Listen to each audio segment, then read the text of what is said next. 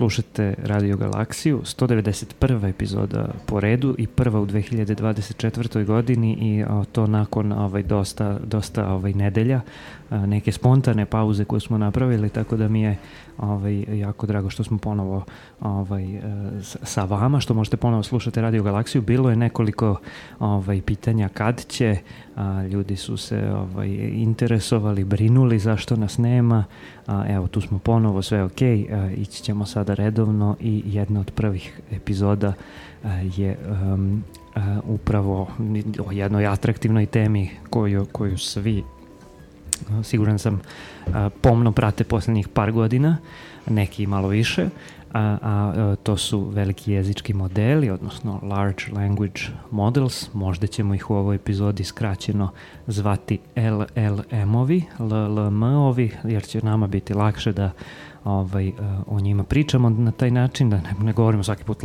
veliki jezički modeli, large language models, bla, bla, bla, nego je tako, LLM-ovi, vidjet ćete o čemu se radi a, i um, govorit ćemo o tome kako se računarska lingvistika um, bavi jezikom kroz korišćenje ovih uh, velikih jezičkih modela, a naša gošća je doktorka Tanja Samarđić sa Univerziteta u Cirihu uh, i gostujuća ovaj, profesorka i na Univerzitetu u Ženevi gde ima jedan kurs za takozvani natural, natural language processing ovaj, ko, koji ćemo takođe da pomenemo, a inače ovaj, potiče odavde iz Srbije, iz Beograda i potiče iz lingvistike. Danas se malo više bavi mašinskim učenjem, ali to će sve ona da objasni mnogo bolje. Ćao Tanja, dobrodošla. Ćao, hvala. Uh, ajmo od toga čime se zapravo baviš i šta je to računarska lingvistika i ono što, eto, ako neko sad uzme i googla tvoje ime i pogleda na uh, sajtu Univerziteta u Cirihu tvoj a, tvoju stranicu, tamo piše da si ti deo a, laboratorije, odnosno projekta a, koji se zove Computational Learning, Computational um, Linguistics. linguistics. Šta je Computational Linguistics, šta je Computational Learning, kakve to veze ima sa, sa lingvistikom, a kakve veze ima i sa, sa chat GPT-em? Pa do nedavno meni je bilo zaista teško da objasnim bilo kome šta ja radim. Tako da, ovaj, a od nedavno ja samo kažem chat GPT. Mislim, naravno nisam ja uopšte radila ništa ni blizu jel, vezano za chat GPT, ali celokupna tehnologija koja postoji i koja je na kraju stavljena u funkciju tako nečega što sad svi znamo, e, to je to što, što čime se ja bavim. I to je otprilike što sam mi rekla studentima ove godine kad smo počeli kurs, rekla sam ja znam da vi svi znate za ChatGPT i verovatno ste zbog toga ovde, ali ovaj kurs nije o tom. Ovaj kurs je o svemu onome što je omogućilo da ChatGPT postane nešto tako popularno i nešto tako novo mm -hmm. za, za sve vas. E sad, šta je to? Uh, pa to je jedan neobičan malo spoj između nauke o jeziku i e, računarstva mm -hmm. i plus e, pomenu si mašinsko učenje, mašinsko učenje u velikoj meri matematika zapravo. Mm -hmm. Znači to je jedna, jedan presek između te tri discipline i zapravo jeste bilo sastavni deo veštačke inteligencije od uvek. Mm -hmm. Recimo da je bilo od uvek deo veštačke inteligencije. Jer je jezik, eh, ta, taj kapacitet, znači taj eh, ljudski kapacitet koji je verovatno i najbitniji za veštačku inteligenciju, uvek je bio ključna stvar za, za veštačku inteligenciju, te tako i ova obrada jezika. Mm -hmm. Tako da, pa da Turing, Turingov test je u stvari definisan kroz jezik. Da? Upravo, da? možemo, možemo to malo da pričamo više, uh mhm. -huh. to je, ovaj, to je vrlo, vrlo zanimljivo. Uh, Ali da, znači možda možemo i od toga da krenemo. Dakle, kako, kako ljudi kad razgovaraju sa chat GPT-em padaju Turingov test? ljudi padaju. e, to sam se baš skoro zezao sa jednom ovaj, uh, drugaricom koja se bavi sličnim temama zapravo, ali kroz prizmu psihologije ovaj, uh, i kako um, eto, razni neki ljudi uh, kada koriste chat GPT, oni ga percipiraju kao neko, neko ovaj, osobu preko puta koja se dopisuje sa mhm. njima i čak to vrlo često se zahvale za odgovor i tako dalje i ovaj, e, bilo je situacija kada sam ja ovaj, prisutovao razgovorima ili razgovarao sa, sa osobama koje upravo tako a, govore o chat GPT-u kao o, o nekoj osobi kao. i onda sam ja njemu postavio pitanje pa sam ga malo provocirao da uradi ne znam ovo ono pa jest. i onda ovaj, kaže to moja drugarica ovaj, pali su Turingov test pa moram da kažem da i ja sama ali ovaj, barem sam svesna šta se dešava ali, ali se zabavljam sjajno evo izašao je nedavno jedan novi model GPT tipa za srpski to jest za uh mhm. -huh. naše jezike zove se Jugo GPT uh mhm. -huh. i onda sam malo pokušavala da, da, da isprobam šta radi i ja sad njega pitam e, šta je predikat ove rečenice i on mi kaže sedi i umrem od smeha ono kao da, kao da je neki moj drugar otprilike Ove, I eto, koliko god da se bavim time i znam poprilično dobro šta se iza toga nalazi, ne mogu da odolim ove, toj potrebi koja je izuzetno jaka da, da ga doživljavam kao osobu. E sad, da, možda da se vratimo na to šta je Turingov, Turingov test, pa da, dakle, to je britanski matematičar, ja mislim inženjer koji se bavio računarima i koji se smatra nekad možda najbitnijim, najbitnijom osobom za razvoj računara i informatike. E, on se pitao tada da li je uopšte moguće napraviti mašinu koja misli. Dakle, uh mhm. -huh. da, li je, da li je to nešto što je uopšte u domenu? Znači, tada kad su počeli da se prave računari, recimo sredinom 20. veka, to je bilo pitanje da li mi možemo da imamo mašinu koja misli.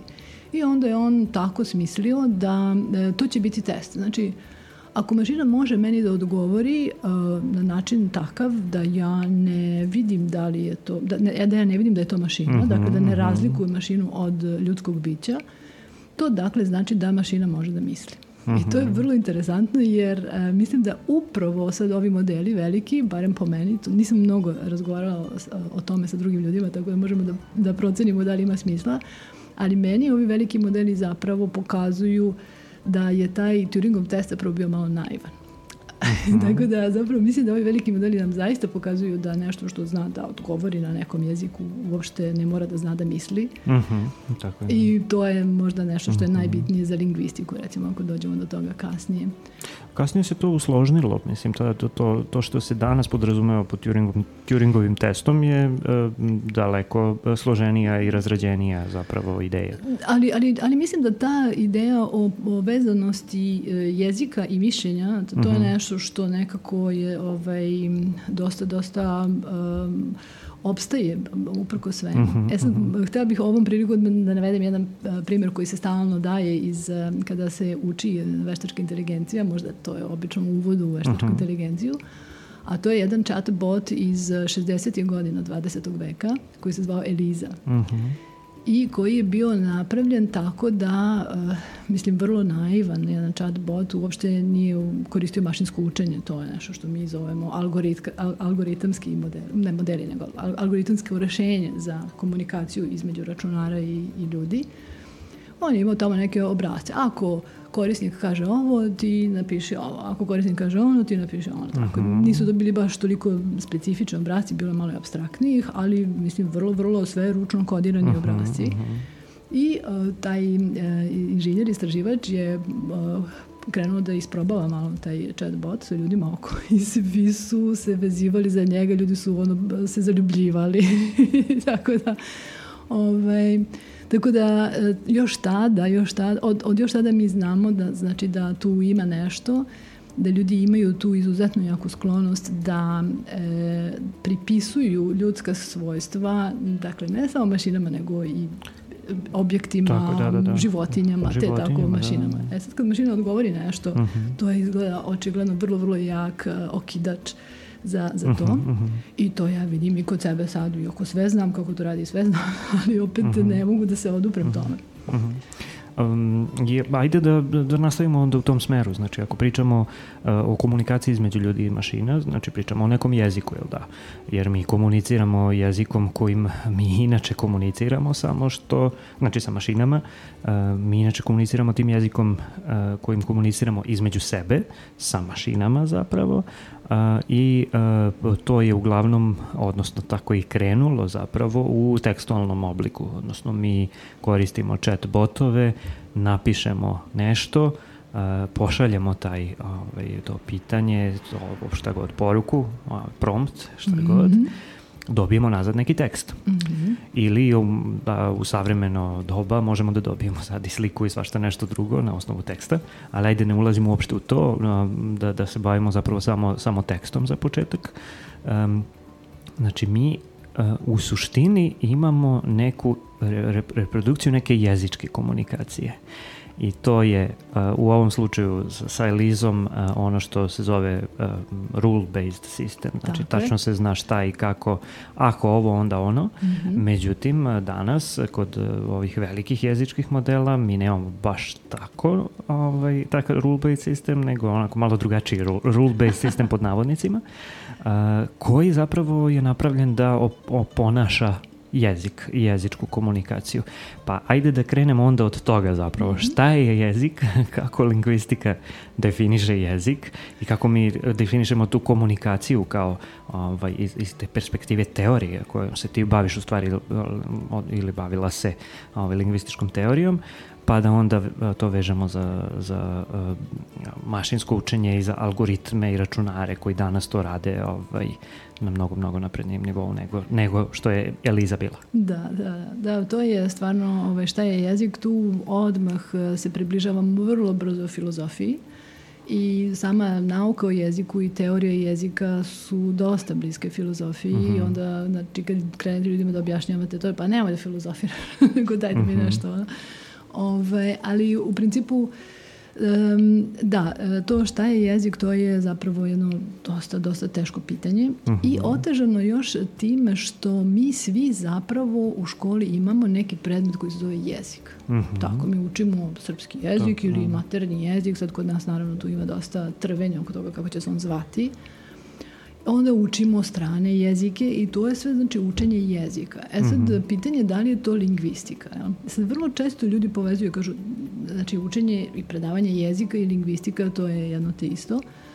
Ove, ali e, bilo bi tu zgodno napraviti razliku između e, tog što je nastava jezika, učenje jezika, vladanje jezikom mm -hmm. i onog što je nauka o jeziku. Mm -hmm. I nažalost to se vrlo teško, teško pravi ta razlika. I to dovodi do jako mnogo konfuzija. Kao, teško, pravi, teško se pravi razlika u, u realnom svetu ili, ili ovako generalno?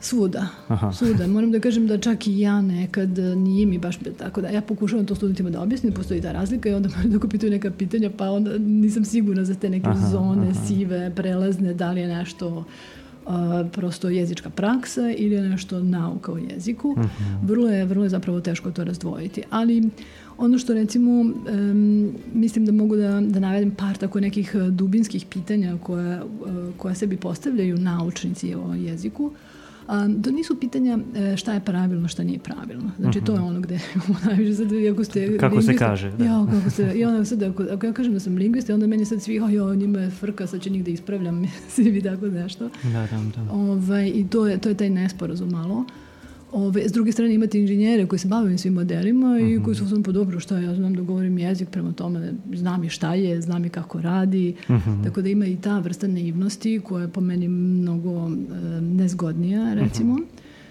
Ovaj, eh, a sad, znači, sa strane svega toga postoji znači ta jedna mala niša koja se zove nauka o jeziku ili lingvistika u kojoj nema mnogo ljudi. Uh, ovaj, koje ja se trudim da ostanem, iako sad ako se bavim nečim što je računarstvo, mašinsko učenje, svi mi kažu, a ti nisi lingvista, ali ja kažem, boga mi, ja jesam.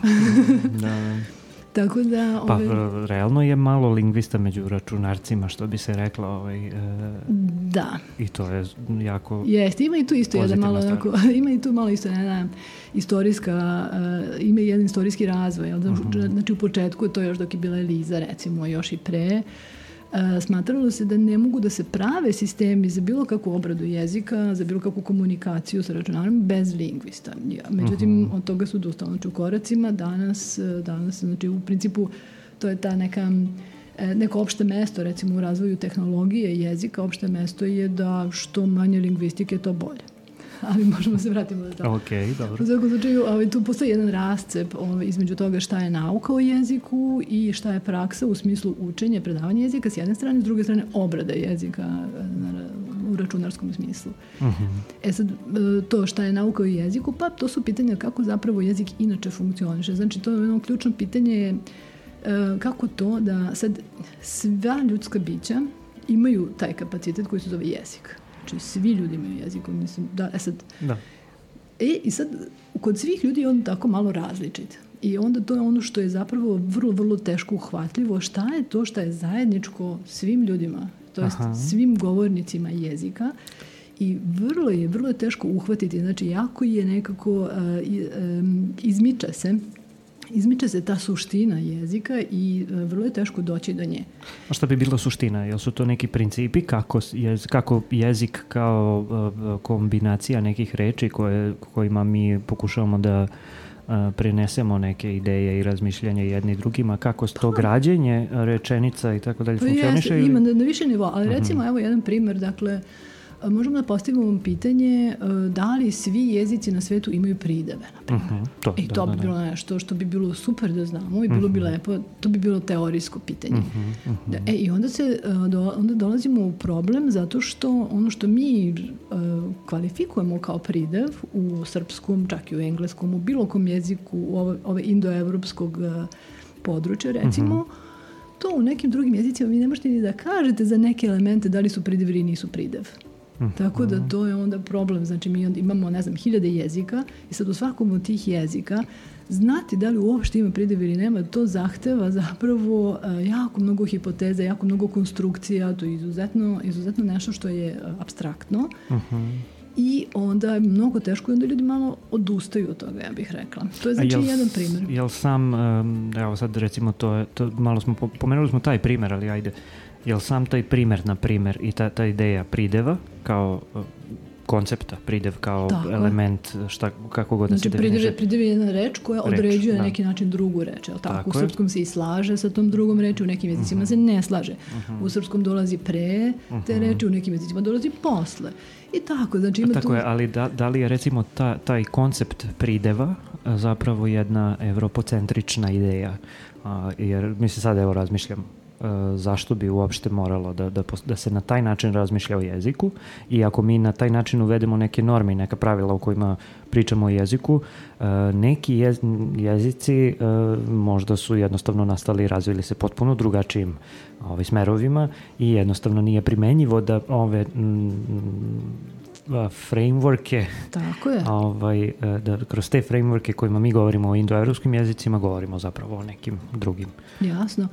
Pa Jel, to, je, to, to, jeste, to jeste i to jeste zapravo jedna velika diskusija u, ling, u teorijskoj lingvistici, mm. recimo. Znači, tu postoje čak i struje koje se trude da stvari postave drugačije nego što je sad, a sad su vrlo evrocentri centrične stvari i to čak ne ni evro toliko nego latinocentrične recimo, mm -hmm. znači mi u Evropi imamo tu tradiciju koja potiče od latinskog jezika i sad svi smo mi malo iz, ono, istrenirani da o jeziku razmišljamo tim aparatusom Uh -huh. konceptualnim koji dolazi iz proučavanja latinskog jezika. I sad, uh -huh. pošto je nauka o jeziku izuzetno opterećena tom tradicijom uh, jer se o jeziku se uči i raspravlja recimo hiljadama godina već, jel?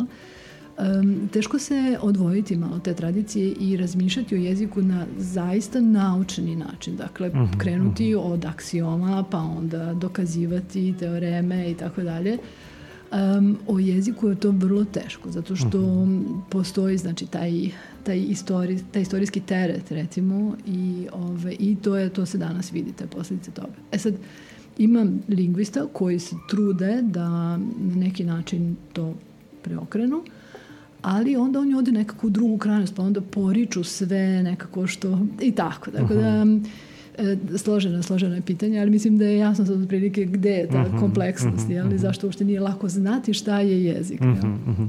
Ok, ali uh, s jedne strane imamo teorijsko bavljanje jezikom uh, u tom nekom najfundamentalnijem smislu, kao što je uh, bavljanje ne znam, u fizici, kao što je u fizici bavljanje najfundamentalnijim temama poput toga, ovaj, ne znam, koliko dimenzija ima pro, ovaj, pro, prostor pod navodnicima u kom se naša fizička realnost dešava, šta je fizička realnost i tako dalje.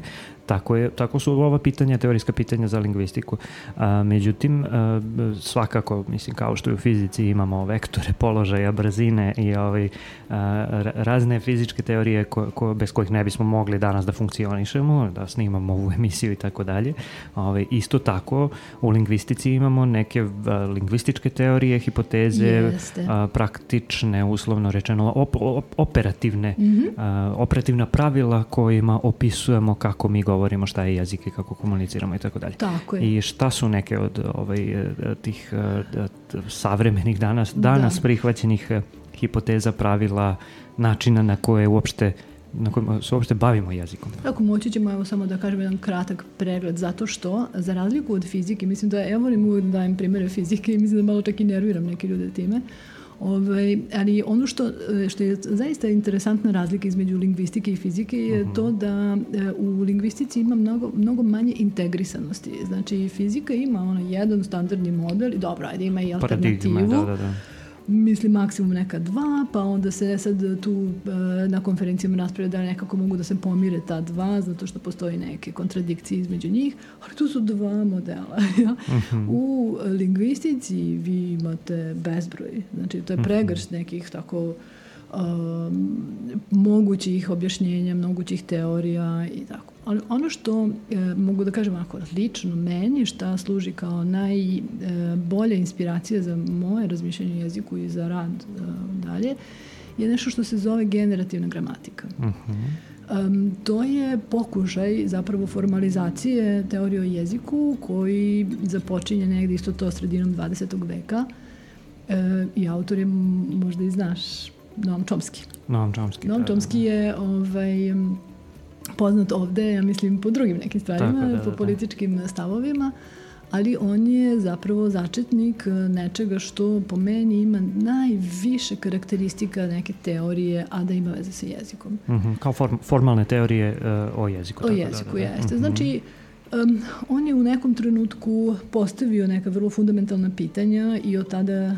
se uh, kreće diskusije i ja moram da kažem, bez obzira što je teško doći do nekih zaključaka i bez obzira što um, nije to nivo formalnosti, na primjer, kakav bi trebalo da bude, znači nije to kao u matematici ili u fizici, uh, ipak, ipak mislim da pomaže zapravo da se malo bolje razume uh -huh, o čemu se mhm. radi. E sad, znači, jedno od tih pitanja je pitanje, um, to se na engleskom kaže poverty of stimulus, znači Dobro to je taj paradoks da e, ljudi nauče jezik zapravo jako brzo.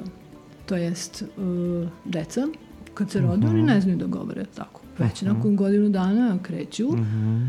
i nakon dve godine njihova kompetencija je dosta razvijena. Sad se to naravno proučava dok se, to, dok se dođe do, u kom uzrastu. Ali... I, I kad krene, ovaj, kad da. kreće zapravo, da, mislim, evo, super, super mesto da ponovimo da ovaj, a, postoji epizoda a, u kojoj je Boban Sivitnijević, naš lingvista takođe iz, iz a, ja Graca, ovaj, a, gostovao u Radio Galaksiji pričao baš o tome, o usvajanju jezika, kako teče usvajanje jezika i kako to ono kreće još i prenatalno. Ovaj, da. Eto, da, da, postoji tu se dosta um, dosta nekih e, rasprava i ima, ljudi neki smatraju neke od ideja uh, skandaloznim zapravo, možemo da se vratimo, ali u principu ideja je to da, da ljudi u, na, zapravo ovladaju jezikom na način koji ne odgovara uh, ideji da oni to uče zapravo. Mhm. -huh. I zato se i kaže usvajanje jezika, -huh. jel? Mhm. a ne učenje.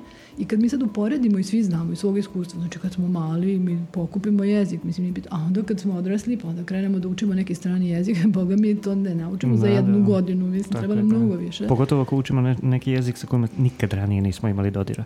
Engleski je nešto sa čim imamo dodira i tako dalje, kroz uh, razne sadržaje koje pasivno nekako ovaj, upijamo, ali kad bismo sad seli da učimo, ne znam, jezik hopi indijanaca, ovaj, to bi bilo potpuno E, to je sad jedno, to je, to je bilo ono početno pitanje, pa dobro, kako, kako je to moguće? I sad e, hipoteza koju je Chomsky postavio to da, da mi smo zapravo rođeni sa jezičkom, e, jezičkom mm -hmm. sposobnošću mm -hmm. i da se ona samo aktivira u nekom trenutku, kao što smo rođeni sa sposobnošću da hodamo, mm -hmm. pa onda krenemo da hodamo kad je vreme, jel?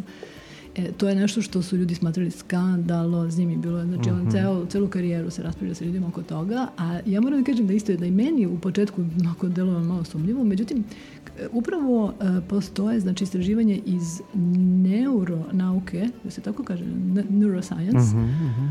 Koja sad izgleda potvrđuju tako neke stvari. Izgleda da se mi zaista rađamo sa nekim strukturama, sa nekim hardverom, a ne sa kompletno, Mhm, ali mhm. nešto nekim onako hardverom i onda na taj hardver kad spad, dođe neke informacije koje ga onako um, e, aktiviraju na pravi način, onda se Izađe obrazi- jezik. Mhm. Eto, Da, da. izgleda da je to. Ali eto, to je jedno pitanje. Znači, Mislim da će d- proći još dosta vremena dok mi to zapravo stvarno ne budemo mogli da, da ovaj, lepo ispitamo i tako dalje, zato što to su neka, neka od pitanja koja jeste. tek, tek dana Jeste. sa razvojem tehnologije počinju da se Jeste. post, nekako da, da, da se dobijaju odgovori koji su operativni. Tako je, znači mi sad možemo malo bolje da uđemo u, ove, da pogledamo glavu ljudsku pa da vidimo šta se tu dešava. Ranije to su dosta bile pretpostavke Mhm. sve i to je bilo to rezonovanje i ove, jako je teško. U svakom slučaju to je, to je znači je- jedna ta, jedan taj aspekt koji, koji se zapravo a, istražuje u teorijskoj Mhm. lingvistici. Mhm.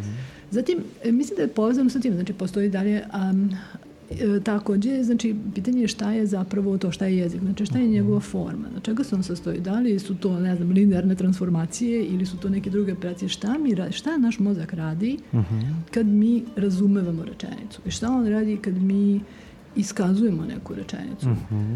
E, i to je sad, to su sad isto teorijska pitanja koja su, znači to bi bilo sjajno i mi smo smatrali recimo ranije, na primjer onda je Chomsky imao tu e, ideju kako uopšte izgleda gramatika, znači onda je on onda tu formu gramatike predstavljao kao neko stablo, Mhm. pa je onda to stablo imalo jednu strukturu 50-ih, pa se onda revidirala ta struktura i tako stalno se revidira ta struktura. To je ono što, što, što je zapravo uh, kada govorimo uh, kada ne znam jednu rečenicu razložimo na neke uh, fundamentalne elemente na elementarne ove, čestice Mhm. Ovaj, da zapravo tu uh, preko stabla možemo da prikažemo Jest. građenje jedne rečenice kroz ne znam to subjekat, Jest. predikat uh, i tako dalje to su sve ti um, elementarne čestice Jest. jedne rečenice Tako je. Mislim, Kro- kroz generativnu sintaksu Pod, da. Podrazumevajući da znamo šta je i subjekat i Mhm, predikat i mhm, eto, mhm. e, to, je, to je kod nas problem što to niko nije dokazao mislim uopšte nije Mhm. dokazano da postoji subjekat i predikat mi, mi operišemo svim tim konceptima pod, na vrlo hipotetičan način To to je da. kako smo sad smo došli do toga kao subjekat i predikat, jel to postoji uopšte? Šta, šta, šta je? pa kažem ti je filozofija Da, da, da, da, da, da, da, da. Ali, pa- jel realnost postoji, jel postoji subjekat i predikat? Pa to je, mi, u principu, e, to je ta razlika. Ja mislim da mi u, i u drugim naukama mi učimo stvari koje su manje više dokazane. jel? Mhm. Ovaj, počeš od matematike, pa ne znam, prirodne nauke. A u lingvistici mi učimo to da ima subjekat i predikat, a niko nikad nije seo da dokaže da to ima.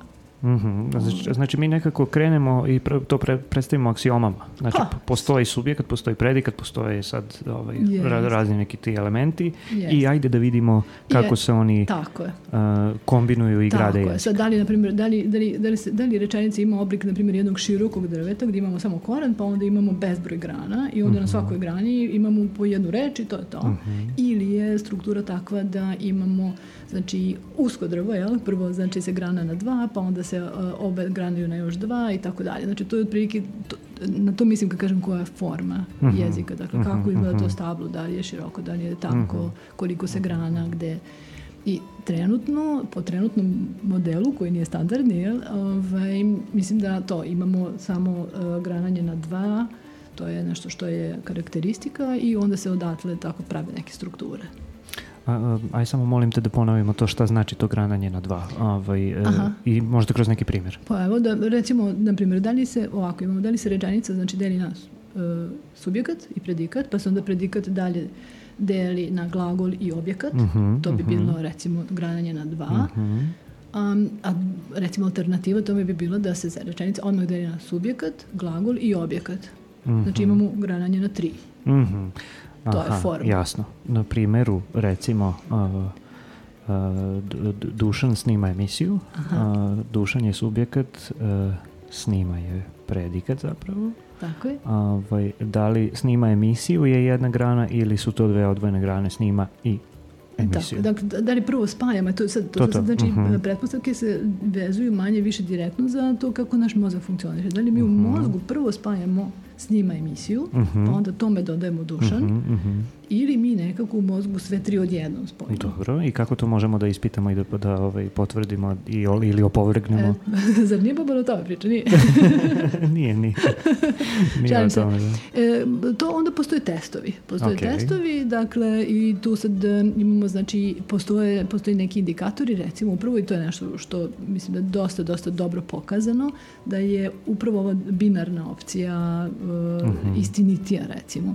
Dakle, e, postoje te statike koje pokazuju da je zapravo subjekat malo odvojeniji od ostatka, znači okay. e, kako to znamo? Pa tako što možemo da transformišemo rečenicu u pitanje, možemo da ubacimo neke druge elemente i onda gledamo šta može da se pomera, šta ne može da se pomera, šta je uvek zajedno. Mm -hmm, to što je uvek mm -hmm. zajedno, to je onda neki konstituent i to je onda nekako, možemo da kažemo da je to bliže u stablu. Mm -hmm, a ono što može da se razdvoji, to znamo da je malo dalje u tom stablu. I ljudi nam... na taj način, onda malo po malo, malo po malo traže koje su, koja je to konstelacija za sve moguće rečenice. A jel se to radi, sad izvini, ono, možda digresiramo u odnosu na glavnu temu, ali imam utisak da jeste vezano zato što na neki način uh, uh, i veliki jezički modeli ovaj, uh, tako grade neke rečenice na, po nekim pravilima, uh, ali ajde da. Uh, znači ako imamo um, tako te dve hipoteze koje hoćemo da, od koje hoćemo da jedno opovrgnemo, uh, Mm, jer mi to radimo zapravo tako što ispitujemo ljude i onda imamo veliki uzorak ljudi koji su govornici jezika koji ispitujemo, pa onda kroz to kako oni zapravo percipiraju šta je bliže, šta je dalje i tako dalje, dobijemo informaciju da je subjekat uh, bliži prediktu nego predikat objektu ili obrnuto kako god, ili zapravo nekako m, potpuno agnostički što se tiče ljudi, uh, kroz same primere rečenica možemo da izvučemo te zaključke? E pa to i jeste, uh, znači ukratko sve. I čak okay. i računarsko modelovanje aha, isto se koristi. A, ovako samo malo duže, ovaj, to jesu, znači osnovni izvori podataka su dakle a, testovi sa ljudima, uh mhm. -huh. ali mi sad e, tu isto već imamo grananje, teorijsko grananje, znači e, jedna škola neće prikupljati nikakvu statistiku. Znači, mm -hmm. taj test sa ljudima je zapravo test sa samim sobom. Znači, ja zapitam sebe da li ovo može ili ne može i to je introspekcija i onda da li nešto može ili ne može, to mi govori šta, šta je zajedno, šta je odvojeno šta, i tako. Mm -hmm. To je jedan metod i to je ono suštinski čomskijanski metod. Znači, on, Čomski to tako zamislio, to tako treba da se, da se proučava, znači, znači nikada se ne pita to. niko drugi pitam to, to, to. samog sebe, jer ja sam uh mhm. -huh. predstavnik, dakle, ja imam taj kapacitet. Govorim jezik, jeste, to je to. Ja govorim i svi ljudi govore i dovoljno je da jedan, taj, mhm. taj matematički pristup, dovoljno je da u, u jednom govorniku pokažem kako stvari stoje i to je to. Uh -huh. Uh -huh. Međutim, e, to je malo preambiciozno, ispostavilo se da je preambiciozno i da to ne može baš tako kao dedukcija u matematičkom smislu. Uh, Ove, tako da ima dosta, dosta, dosta istraživača koji zapravo prikupljaju podatke. Mhm, -huh, I prikupljaju mhm. -huh. podatke od govornika i sad uh, imaju pretpostavke, na primer, uh, koja konstrukcija će biti teža ili lakša u zavisnosti od teorijskog modela i onda pitaju ljude da ne znam da što pre prepoznaju tu rečenicu ili ih pitaju da urade neku transformaciju i tako i onda mere vreme koje im je potrebno da, uh -huh, da taj zadatak uh -huh, obave i na taj način mogu da potvrde da li je nešto teže ili lakše. E sad, ono, ako ispadne da, te, da, da treba više vremena za ono što smo mislili da je teže zbog mm -hmm, modela, mm -hmm. super, pokazali smo. Mm -hmm, to, je, to je neka ideja, da. I mislim, dešava se to, ali ne toliko mnogo. Sada sve više i više zapravo. Okay. I treći izvor su računarski modeli. Mm -hmm. Znači, to isto možemo da radimo. Možemo da napravimo neku računarsku simulaciju zapravo obrade jezika i da onda na taj način procenimo da li će, re, znači u računarskoj simulaciji imamo nešto što je kao trošak, cost, dakle ako je nešto teže, tu će taj trošak biti veći i onda ako ispadne stvarno veći trošak, onda znači da smo dobro postavili model mm -hmm. u najkraćem. Mm -hmm. Uh, ok, uh, možemo ovde da napravimo jednu malu pauzu, uh, slušamo malo muzike, pa se vraćamo da pričamo malo konkretnije o tome šta, uh, šta se podrazumeva pod uh, obradom jezika, modelovanjem jezika, pogotovo kada su u pitanju ovi savremeni računarski modeli poput velikih jezičkih modela. Paradise is exactly like where you are right now. Only much, much better. Saw this guy he seemed to have gotten stuck in one of those abstract trances. And he was going. And Fred said, I think he's in some kind of pain. I think it's a pain cry. And I said, pain cry? Then language is a virus. Language, it's a virus.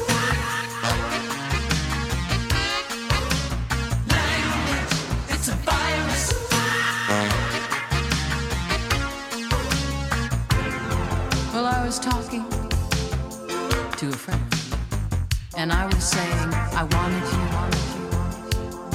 and I was looking for you, but I couldn't find you. I couldn't find you. And he said, Hey, you talking to me? Are you just practicing for one of those performances of yours? Hot language, it's a virus.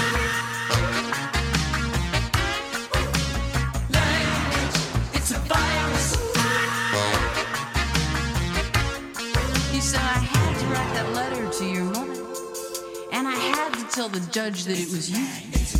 And I had to sell the car and go to Florida because that's just my way of saying that I love you. had to call you at the crack of dawn and list the times that I've been wrong.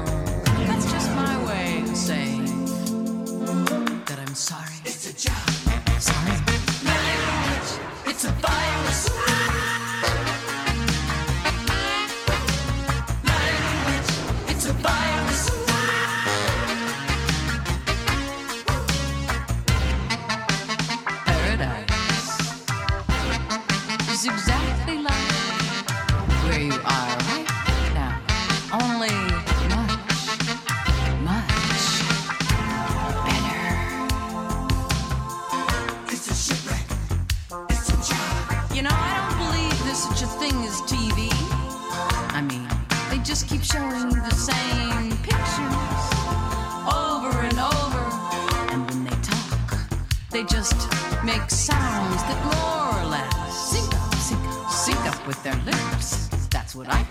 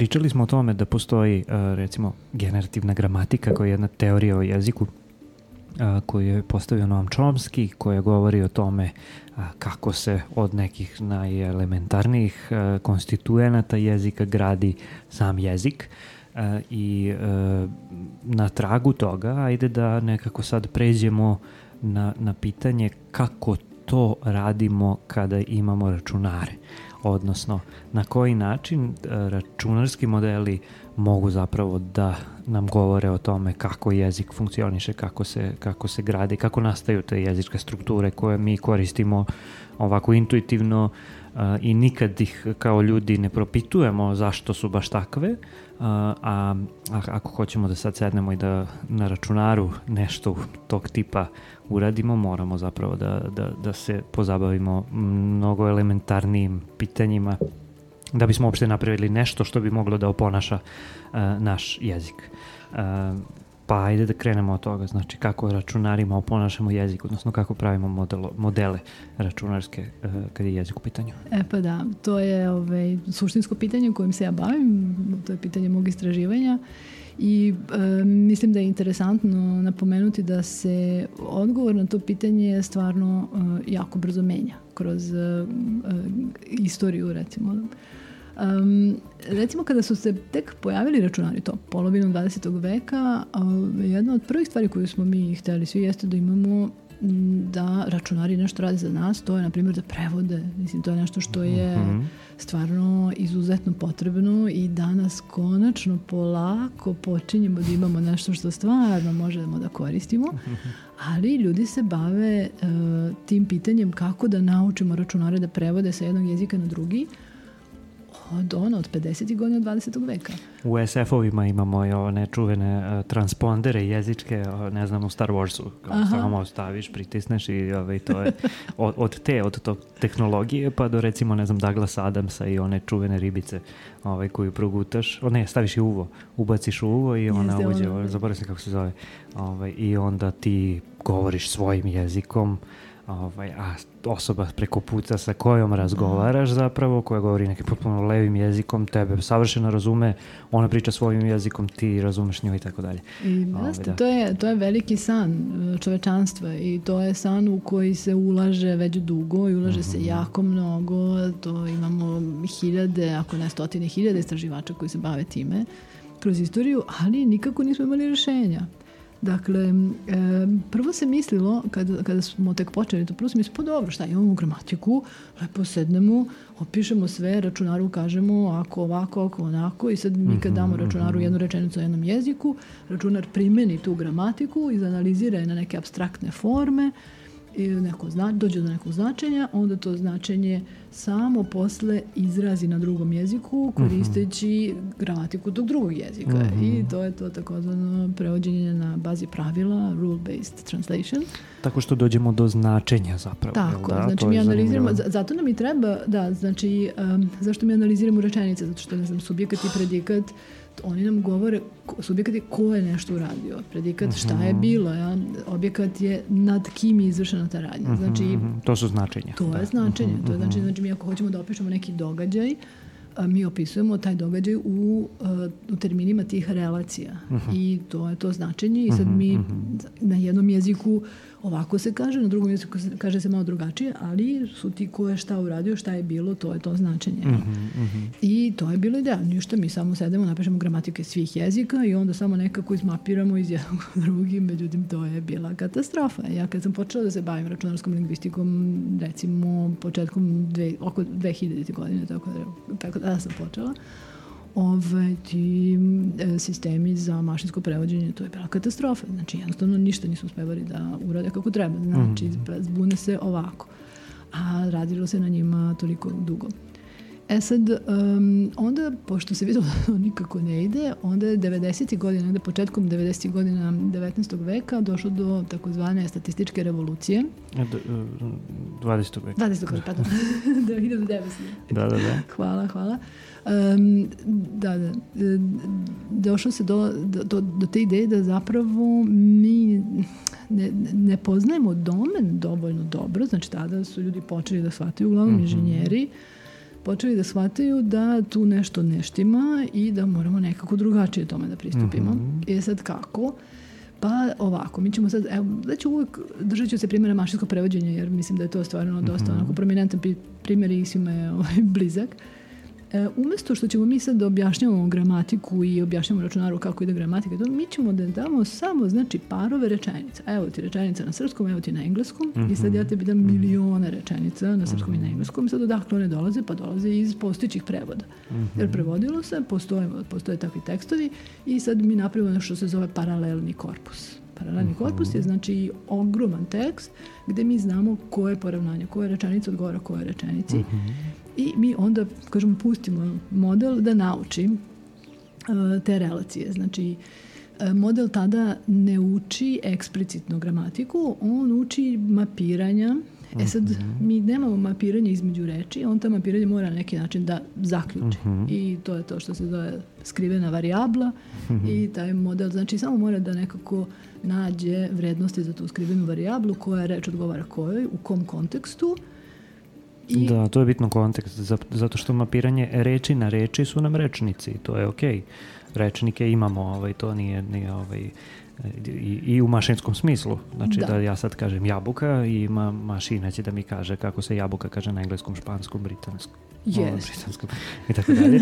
ovaj, e, međutim, Ali evo kada su odmah u primjer pitanju... jabuka, znači na engleskom se jabuka kaže Apple. Mhm. E sad, kad je Apple kao kompanija, a kad je Apple kao jabuka. Mhm. Znači, to je već odmah primjer, zato, to je nešto što je zapravo jako teško. Znači, ne, ne postoji ni jedna reč ni u jednom jeziku koji ima samo jedno značenje. Mhm, mhm. I tu odmah dolazimo do toga, znači moramo odmah da nekako uračunamo kontekst. kontekst. Mhm, mhm, ok. Z- Znači mi sad imamo, e, pošto ćemo sada uletimo u vrlo složene stvari, imam utisak, a, mi dakle hoćemo da rešimo problem prevođenja s jednog jezika na drugi jezik, ali da zapravo ne, p- e, ne pokušavamo da damo nikakva pravila, nikakve tu sad e, ako ovo onda ovo, ako ti se pojavi ova reč u toj rečenici onda će na ovom jeziku da to bude drugačije ovako ili onako, nije ni važno.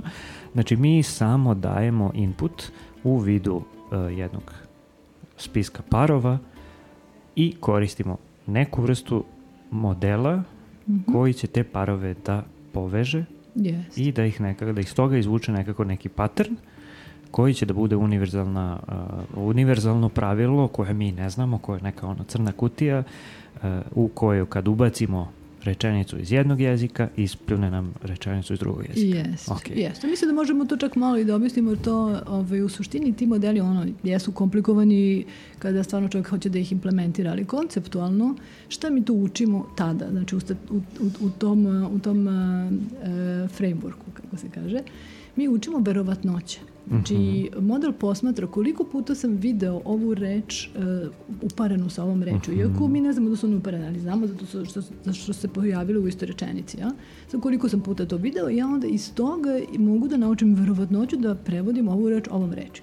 Sad samo što onda, kako uračunavamo kontekst, tako što podešavamo tu verovatnoću, prilagođavamo je, znači imamo nešto što je, i to se sad zove jezički model, Znači, e, gledamo e, koja je verovatnoća da se sad ta reč u ciljnom jeziku pojavi okružena svim ostalim rečima u ciljnom jeziku. Znači, mi učimo s jedne strane verovatnoću jedne reči u jednom jeziku da bude prevedena drugom Odvojeno, rečima. mhm, Jeste. mhm. I s druge strane učimo verovatnoću te ciljne reči da bude okružena upravo tim rečima koje sad vidi.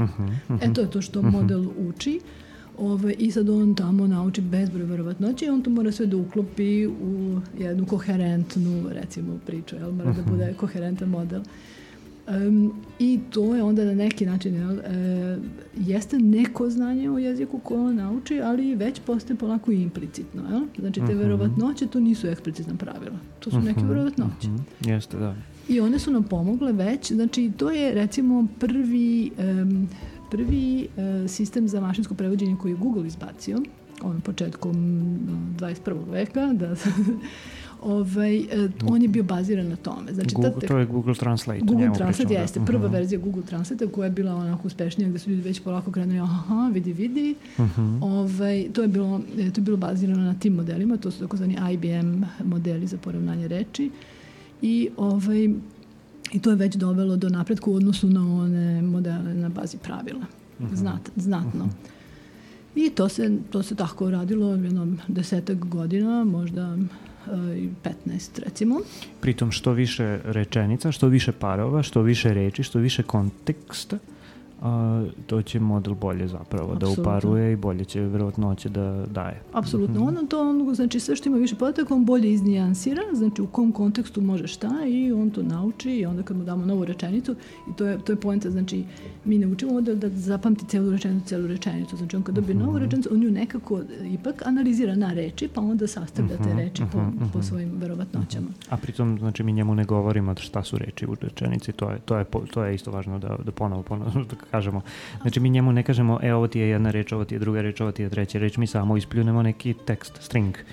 A, Tako je. U, konkretnom slučaju, e, recimo upravo kod tih modela koje su koje je Google na početku koristio, znači svaka reč, ono što mi mu govorimo, to je možda isto jedno pitanje koje možemo da, da dotaknemo u nekom trenutku. Dakle, mi, em, mi segmentiramo rečenicu. Znači, Mhm. model zna da ovde se završava jedna reč, ovde počinje druga reč i tako. Ok, to, je, ok. to je ono što on dobija kao input. I sad svaka reč se zapravo mapira na neki em, prirodni broj. Znači, on, čime operiše model, pošto za modele mnogo lakše da operišu brojevima, znači oni operišu prirodnim brojevima, svaki prirodni broj odgovara jednoj reči, Mhm. to je kao taj neki identifikator reči i onda se računaju statistike na, na tim. mhm, Ovaj, tako da na neki način mi damo isparsiran tekst. To se isto nešto promenilo u poslednje vreme, tako da to je interesantno i dovelo isto do napretka. Ali tako se radilo ranije. Dakle, podrazumevalo se da je sve što je ono između dve beline, recimo, reč. Mhm. Bez ikakve analize, neke dubinske, nego samo To, isečemo. to, da, da, da. isečemo. Gde ima space-a, tu je reč. Jeste, ali mora da se iseče, ne može bez toga. Mhm, mhm. I onda, uh, u zavisnosti toga koja je kombinacija slova, uh, dodalimo identifikacijni broj i na tim identifikacijnim brojima računamo verovatnoće za, za pojavljivanje u kontekstima koje su se pojavljaju. Tako da. je, Mhm, upravo, okej. upravo.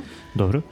Uh, I to se zove, kako se zove to? To, E, to, to. nije, to je generalno parsiranje, reč, odnosno rečenice na reči, a Znači ovako, Ali- kada, kada delimo, kada sečemo rečenicu na, Mhm, na reči, to se zove tokenizacija. mhm, Tako je. mhm, I sad svaki ta, svaka ta reč e, je token. mhm. Sad, ne mora to da bude, u principu svaka reč je ono što bismo našli u rečniku, ali nije. Znači, nužno svaka reč je ono što vidimo otprilike ovaj, između belina i to se zove token. Mhm.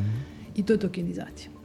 Ov, I više se ne radi nikakva druga analiza. Znači, onda to ide u model i onda model nad tokenima Mhm. nauči verovatnoće. I onda tumba tokene kako, kako mu odgovara iz ovog drugog jezika, odnosno po verovatnoćama da izbaci uh, složenu rečenicu od tokena koji je uh, Tako je. I tu- modelom zapravo E, povezao. to je model. Znači, čim Mhm, imamo verovatnoće, mhm, čim imamo verovatnoće, to je model. Znači, um, i sad, konkretno tu imamo zapravo dva modela koje kombinujemo. Jedan je ono što se zove model, model prevođenja, a to je ono što je verovatnoća da je jedna reč u jednom jeziku, recimo da verovatnoća da jabuku prevodimo sa apple. mhm, Znači, to ima svoju verovatnoću i to je parametar tog modela. Um, I onda imamo drugi model, a to je model da, e, recimo, e, reč jabuka dođe posle reči volim mhm, na mhm. e, ciljnom jeziku. Znači, verovatnoća jabuka, ako smo videli volim, Jasno. i to je jezički model. Mhm. Ovo drugo je jezički model. Ovo prvo je samo vero, ovaj, Ovo je prvo transla, tako je, model. Da, da, da, model da. prevođenja ili translacioni, a ovo drugo je jezički model. Koji nam daje zapravo relacije između reči koje imaju neko značenje. U, to je, te, koje, re- same relacije imaju značenje. Da. Aha, znači model jezika ili jezički model nam daje zapravo verovatnoću niske. Znači on nam kaže koliko je verovatno da posle volim dođe jabuka, posle jabuke dođe ovo, posle, i tako. Znači i to je ono što se zove jezički model. Dakle, bez nekih e, visokih e, koncepata, bez neke analize, nego prosto jer koja je verovatnoća tog, e, te niske. Mhm, Da. mhm. Da, da, da. Uh, ok, i to je... I mi onda kombinamo. Znači imamo verovatnoću prevoda, imamo verovatnoću niske Mhm, i onda te dve stvari sklopimo tako da na ciljnom jeziku imamo nešto što je manje više uh, rečenica tog jezika. Jeste. I onda što smo videli kod tih uh, ranih modela je da E, oni su dobro radili na sa malim parčićima, recimo, znaju lepo da prevedu fraze, ali nikako nisu dali da uklope ovaj, U veliku rečenicu. Jeste, Mhm, znači su te mhm. fraze nekako o, završavale tamo gde ne treba, jel? A unutar fraze bilo je okej, ali Mhm, ono, haos na višem nivou.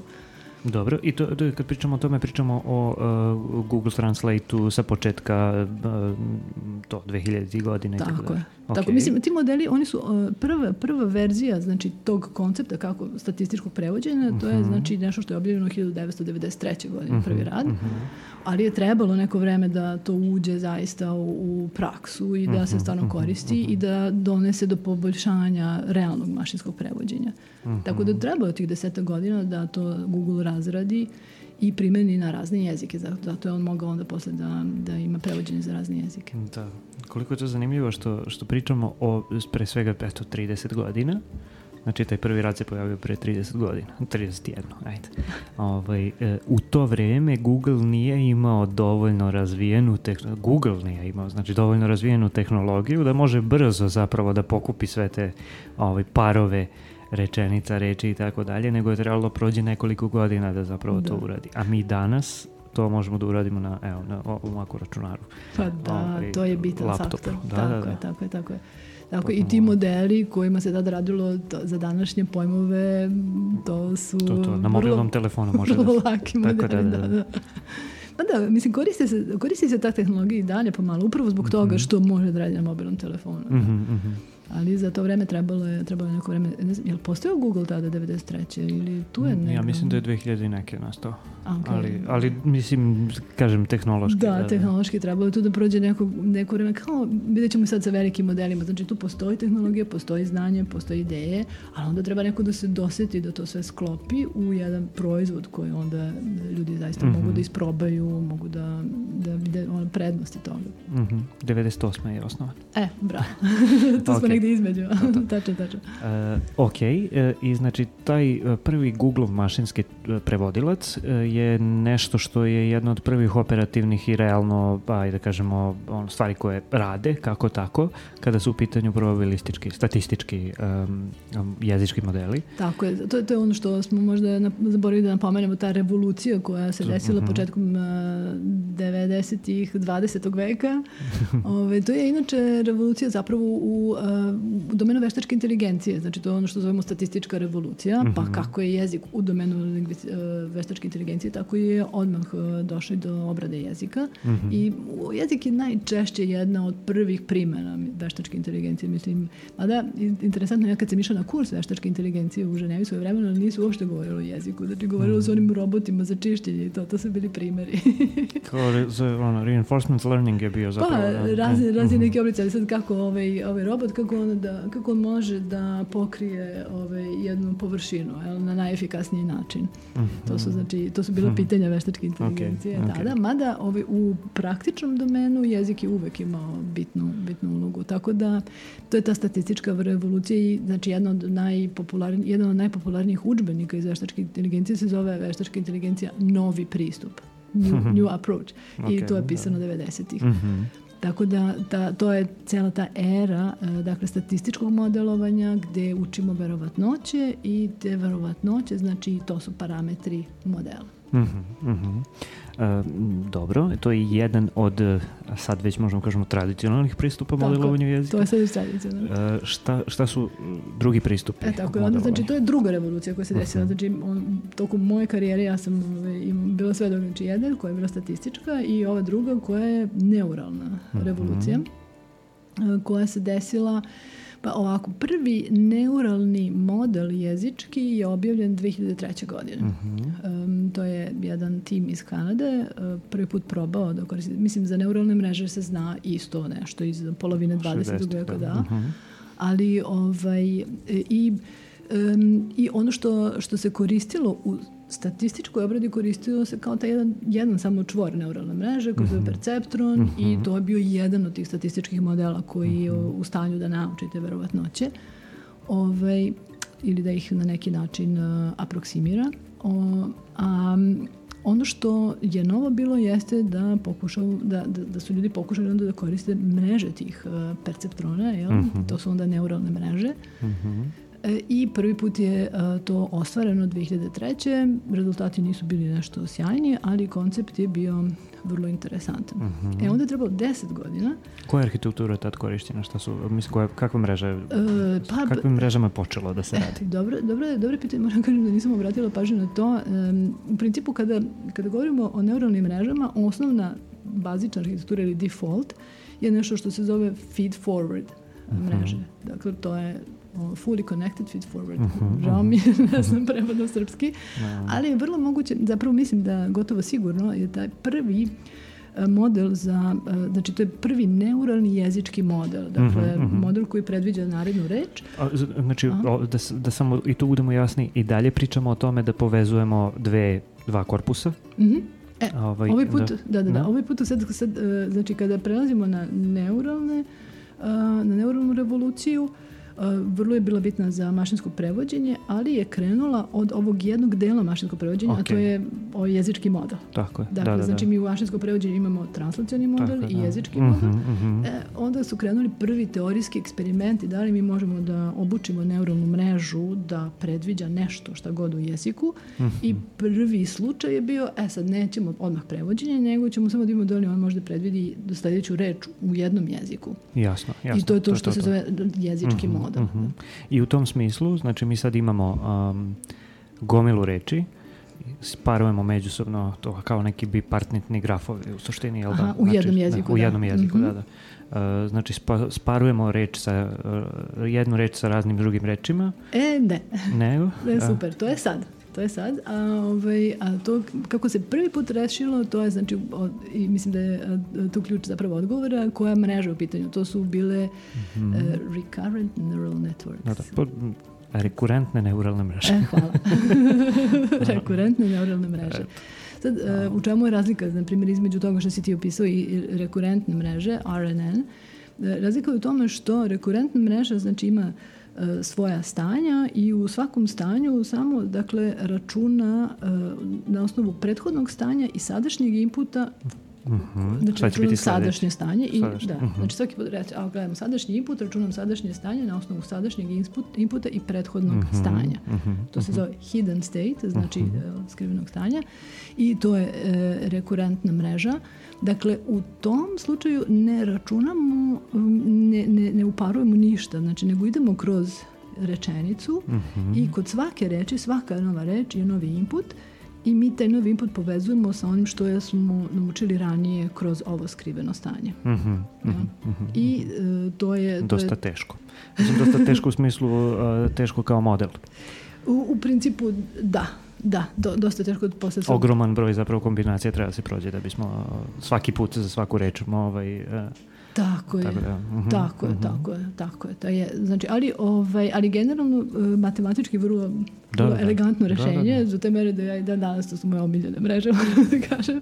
Ali i, o, i to je zapravo način te rekurentne mreže, one su napravljene upravo za probleme rešavanja sekvenci. Dakle, Mhm. za, za sve što ima tu vremensku komponentu i jezik se isto podrazumeva kao neka sekvenca, kao da ima Mhm. vremensku komponentu, zato što imamo, kad pričamo idemo reč po reč, isto tako kad čitamo idemo, iako mi znamo da u našoj glavi to nije tako, jezik Da. uopšte nije linearan, Mhm. jel? barem nešto znamo toliko, Ovaj, em, u, model, u modelovanju mi ga tako predstavljamo zato što je to pojednostavljenje koje nam je potrebno da bismo to inženjerski rešili. mhm, I sad e, ono što, što imamo u rekurentnim mrežama je to, znači u tom e, skrivenom sloju tu se nalazi ceo istorijat. Znači svaki put, i to je taj kontekst. mhm, Dakle, mhm. Znači mi svaki put u tom skrivenom e, sloju mi zapravo čuvamo neku informaciju o tome šta je bilo pre i znači zato uvek računamo iz prethodnog skrivenog sloja i sadašnjeg inputa. Mi zapravo tome samo dodajemo novi input i onda tu nešto pre-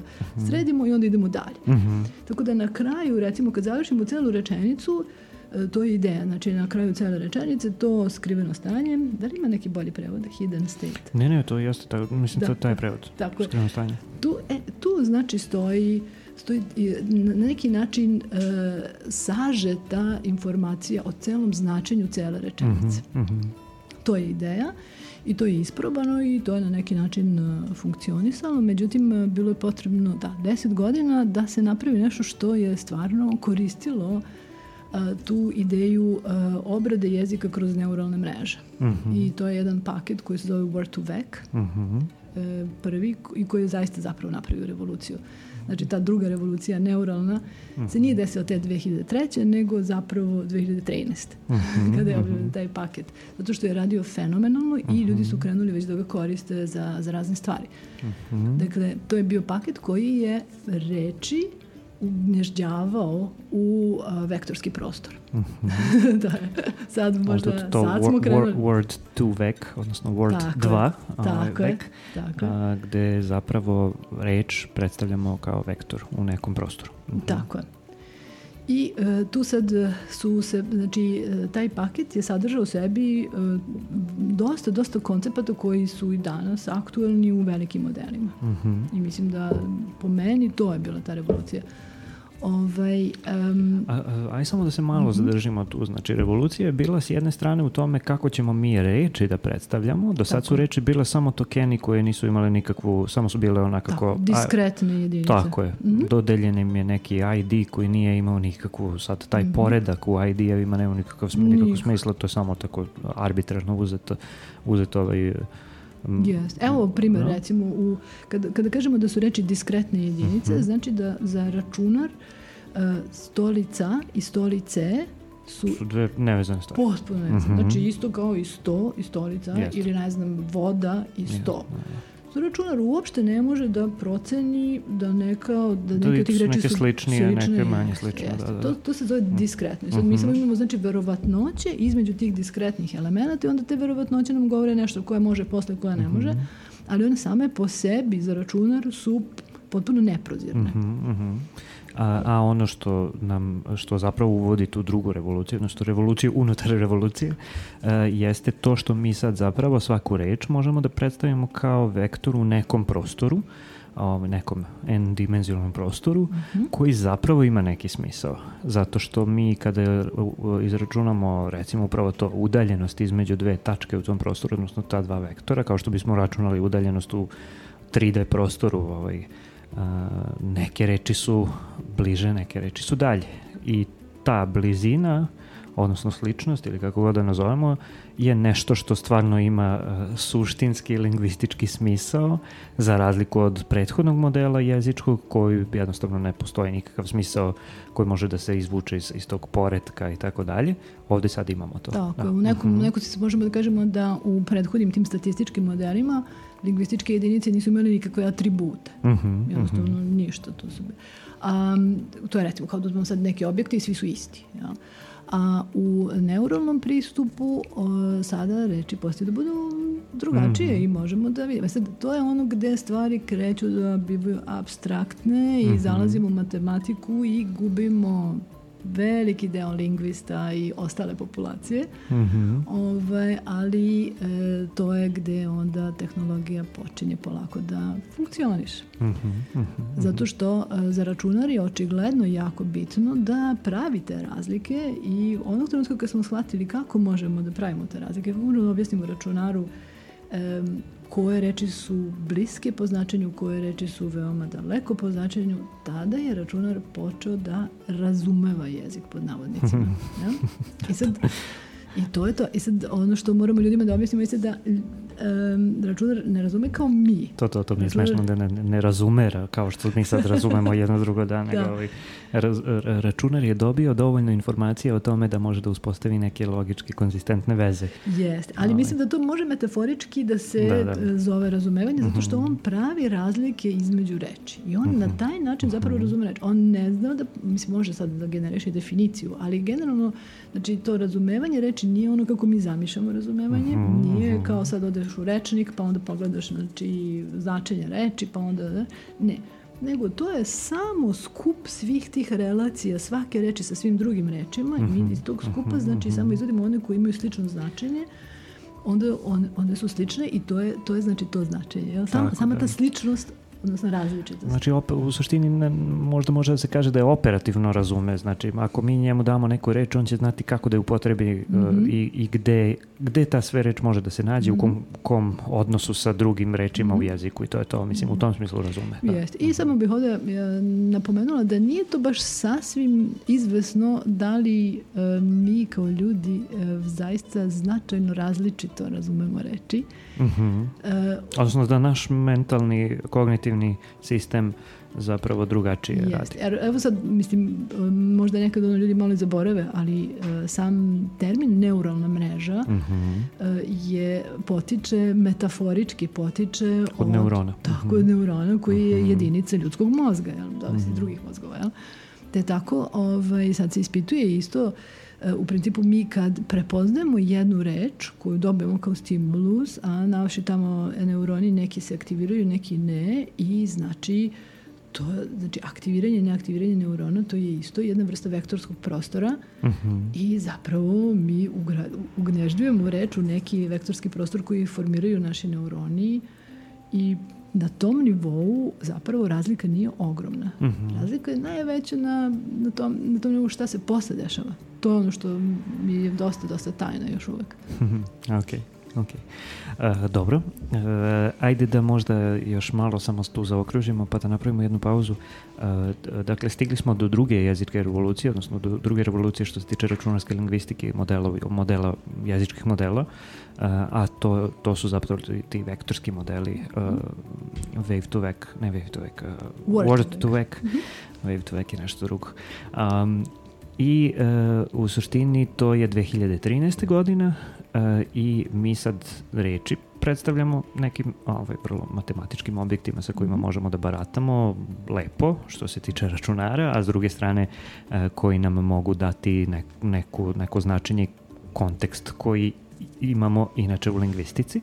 Šta se dalje dešava sa tim? Tako je. I Dakle, kako dolazimo do ovoga što je danas nama tem, tema u stvari, odnosno kako dolazimo do, do velikih jezičkih modela. Tako je, tako da od te 2013. kada je postalo jasno da na taj način možemo da predstavimo reči, onda se e, kreće u eksperimente opet sa naravno mašinskim prevođenjem koji je veliki san čovečanstva. Aha, sad možemo da vidimo sad šta to radi i onda imamo prve prve modele za neuronalne modele za mašinsko prevođenje, to je te, već je 2014.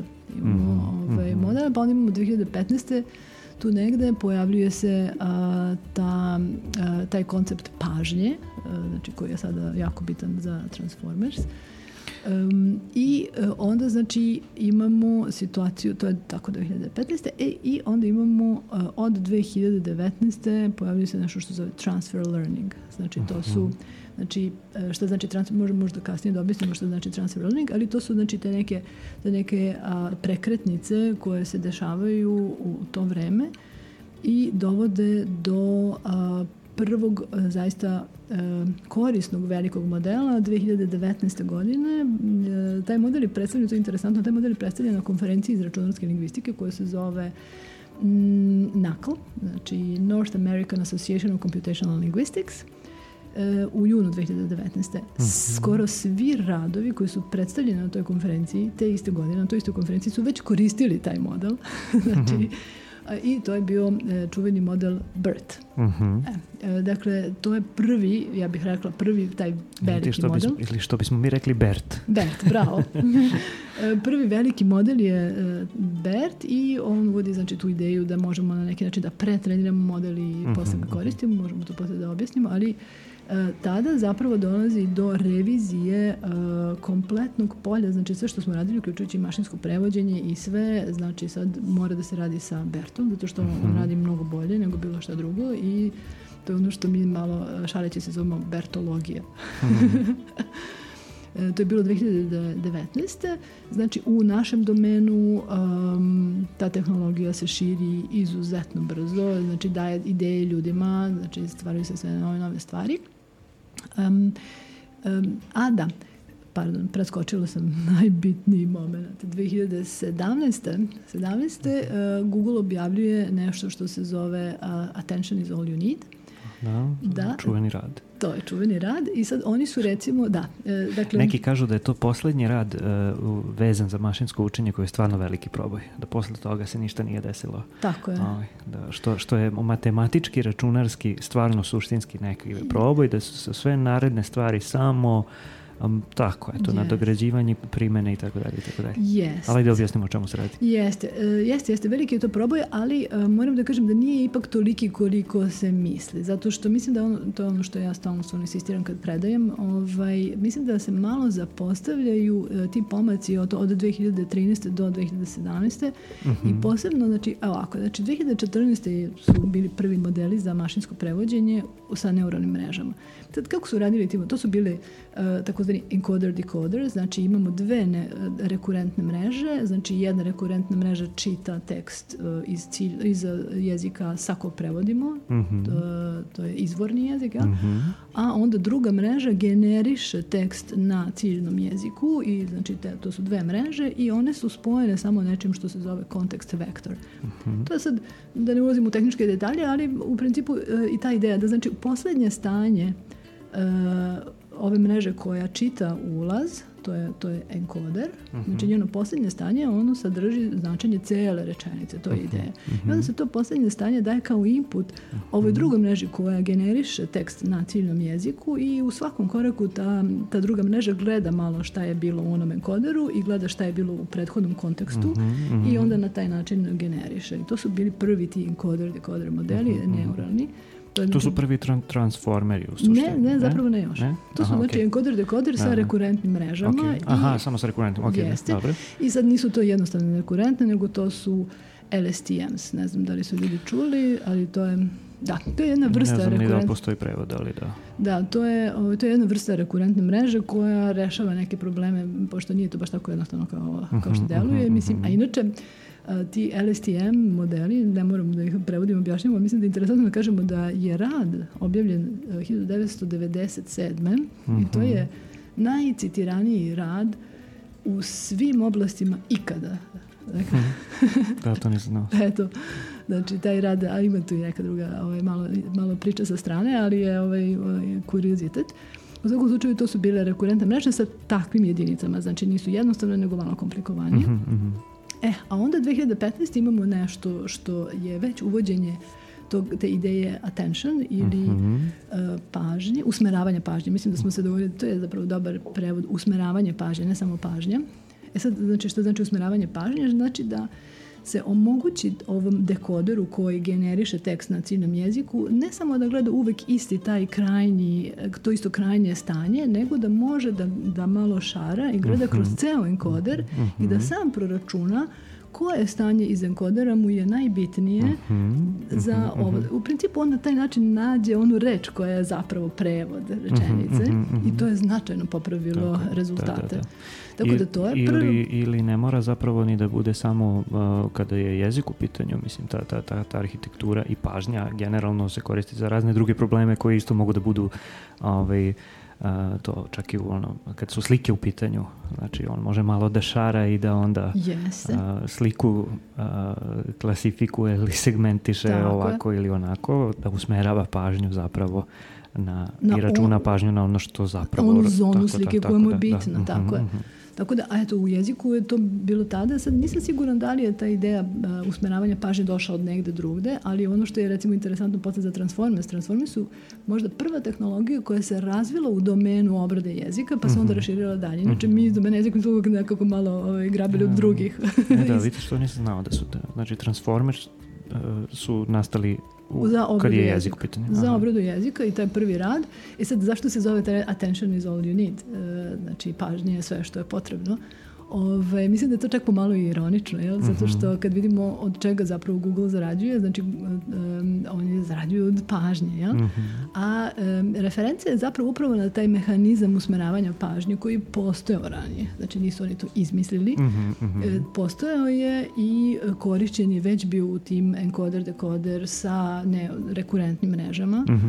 O, oni su samo znači generalizovali taj koncept, Mhm. tako da ne koristi se samo e, usmeravanje pažnje između enkodera i dekodera, nego onda imamo umet, umesto rekurentnosti imamo usmeravanje pažnje. Tako da imamo usmeravanje pažnje u enkoderu, usmeravanje pažnje u dekoderu i usmeravanje pažnje između njih. Mhm, I zato se zove attention is all you need. Mhm, mhm. E sad, em, ja kad sam čitala rad prvi put, stekla sam utisak da su oni zapravo tražili način kako da paralelizuju proces e, obrade jezika. Zato što, rekli smo, rekurentne mreže, one e, služe tome da se obrađuju sekvence koje imaju vremensku komponentu. Znači, one, one su u principu vremenski ograničene. Dakle, mi uvek za svako novo stanje mi moramo da smo izračunali prethodno. Ne možemo ništa da preskačemo, Da, da, da. mora se ide. E, I to je nezgodno sa, sa stanovišta ra- računara, zato što um, ne možemo da iščekamo da on završi, znači moramo, moramo to nekako malo brže. I razvija se umeđu vremenu tehnologija, to što se ispomenuo, znači razvijaju se kapaciteti računarski, a mi ne možemo za jezik da ih koristimo jer moramo da radimo to rekurentno i ništa. Mhm, mhm. Tako da, ovaj, tako da mislim da, da je Google eh, tražio način kako da paralelizuje eh, obradu jezika Mhm. i e, na taj način su došli do, do, te, do te pažnje. Sad šta se tu dešava? Znači mi sad ne moramo više da idemo reč po reč. Znači imamo, upravo sad se dešava ono što si ti malo prespomenuo.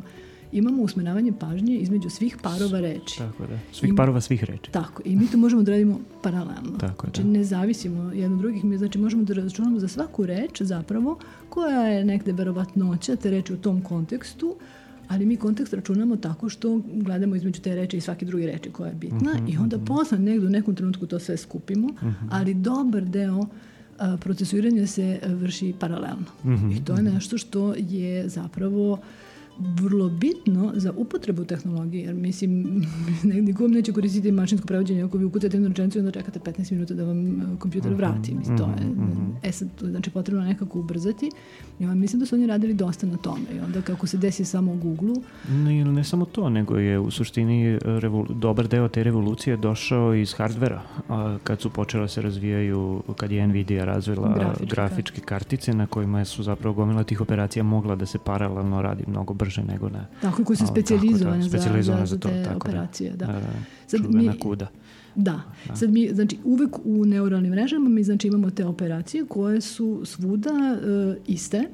ovaj, I sad, to jeste bila ta tenzija. Znači, i sad mi za rekurentne mreže imamo operacije koje mogu da se radi grafičkim karticama, a mi ih radimo ovom centralnom jedinicom koja radi i sve drugo. I to nije bilo efikasno. i, i tako da su oni, mislim, radili na tome zapravo. E onda, to što kažem kako se to samo njima desi, ovaj, uspeli su da popravi performanse. Znači rešili su taj problem i kad su rešili taj problem onda nekako su im performanse skočile. Ove, I to onda napravilo ove, stvarno, stvarno, jeste, veliki bum. E, i to se sve dešava, znači 2017. oni uh, objavljaju taj rad, međutim to i dalje nije bio taj bum. Znači bio je popularan taj rad, svi su ga čitali. Ali ovaj, e, znači to 2019. kada to je ono što je zapravo dovelo do sadašnje situacije. A, I šta, o čemu se tu radi? Znači, e, Google je pravio Transformers upravo za zadatak mašinskog prevođenja. Znači, to je njima bio glavni, znači oni su pokušavali da reše problem mašinskog prevođenja jer se time bave, imaju tu aplikaciju i to je jasno. Ovaj, E, i sad u mašinskom prevođenju mi imamo znači encoder i decoder, to stalno spominjamo, imamo dve mreže jel, koje na neki način komuniciraju između sebe. I ono što su ljudi ukapirali je sledeće. Ok, aha, a šta sad ako ja sad ne moram da radim mašinsko prevođenje, radim bilo šta, ali zadržim ovaj encoder. I taj encoder meni zapravo na neki način e, razloži značenje rečenice, znači stavimo celu rečenicu u taj vektorski prostor i čak imamo i neku njenu strukturu i sve. I onda mi na taj način zapravo damo rečenicu računaru, on je razume opet pod navodnim znacima, da li će on moći da radi druge zadatke, ne samo mašinsko prevođenje. jel? Mhm, Sa tom rečenicom, odnosno sa tom reprezentacijom te rečenice. Tako je, sa tom reprezentacijom. I to je taj veliki je- znači, to je ta povezivanje, jer na, to smo isto radili sa word to vec, recimo. To je bilo, znači, word to vec je učio da pogađa verovatnoće reče, reči i mi smo onda mogli da izvučemo te verovatnoće, to jest nisu to bile verovatnoće, znači mi kad ono to sve skupimo zajedno, onda su to bili vektori. Mi smo mogli da imamo za svaku reč po jedan vektor i taj vektor je bio na neki način Tu se dobro da reči. kažemo šta su embeddingsi, pošto ljudi ovaj, verovatno a, ko hoće da se detaljnije ovaj, pozabavi ovom temom nailazit će na taj pojam. Aha. E, da, embedding, to je dakle ugnježđenje reči da, u, okej, u neki da, prostor koji da, vidim da je tebi to mhm. vrlo, vrlo em, em, poznato. Pa, Da.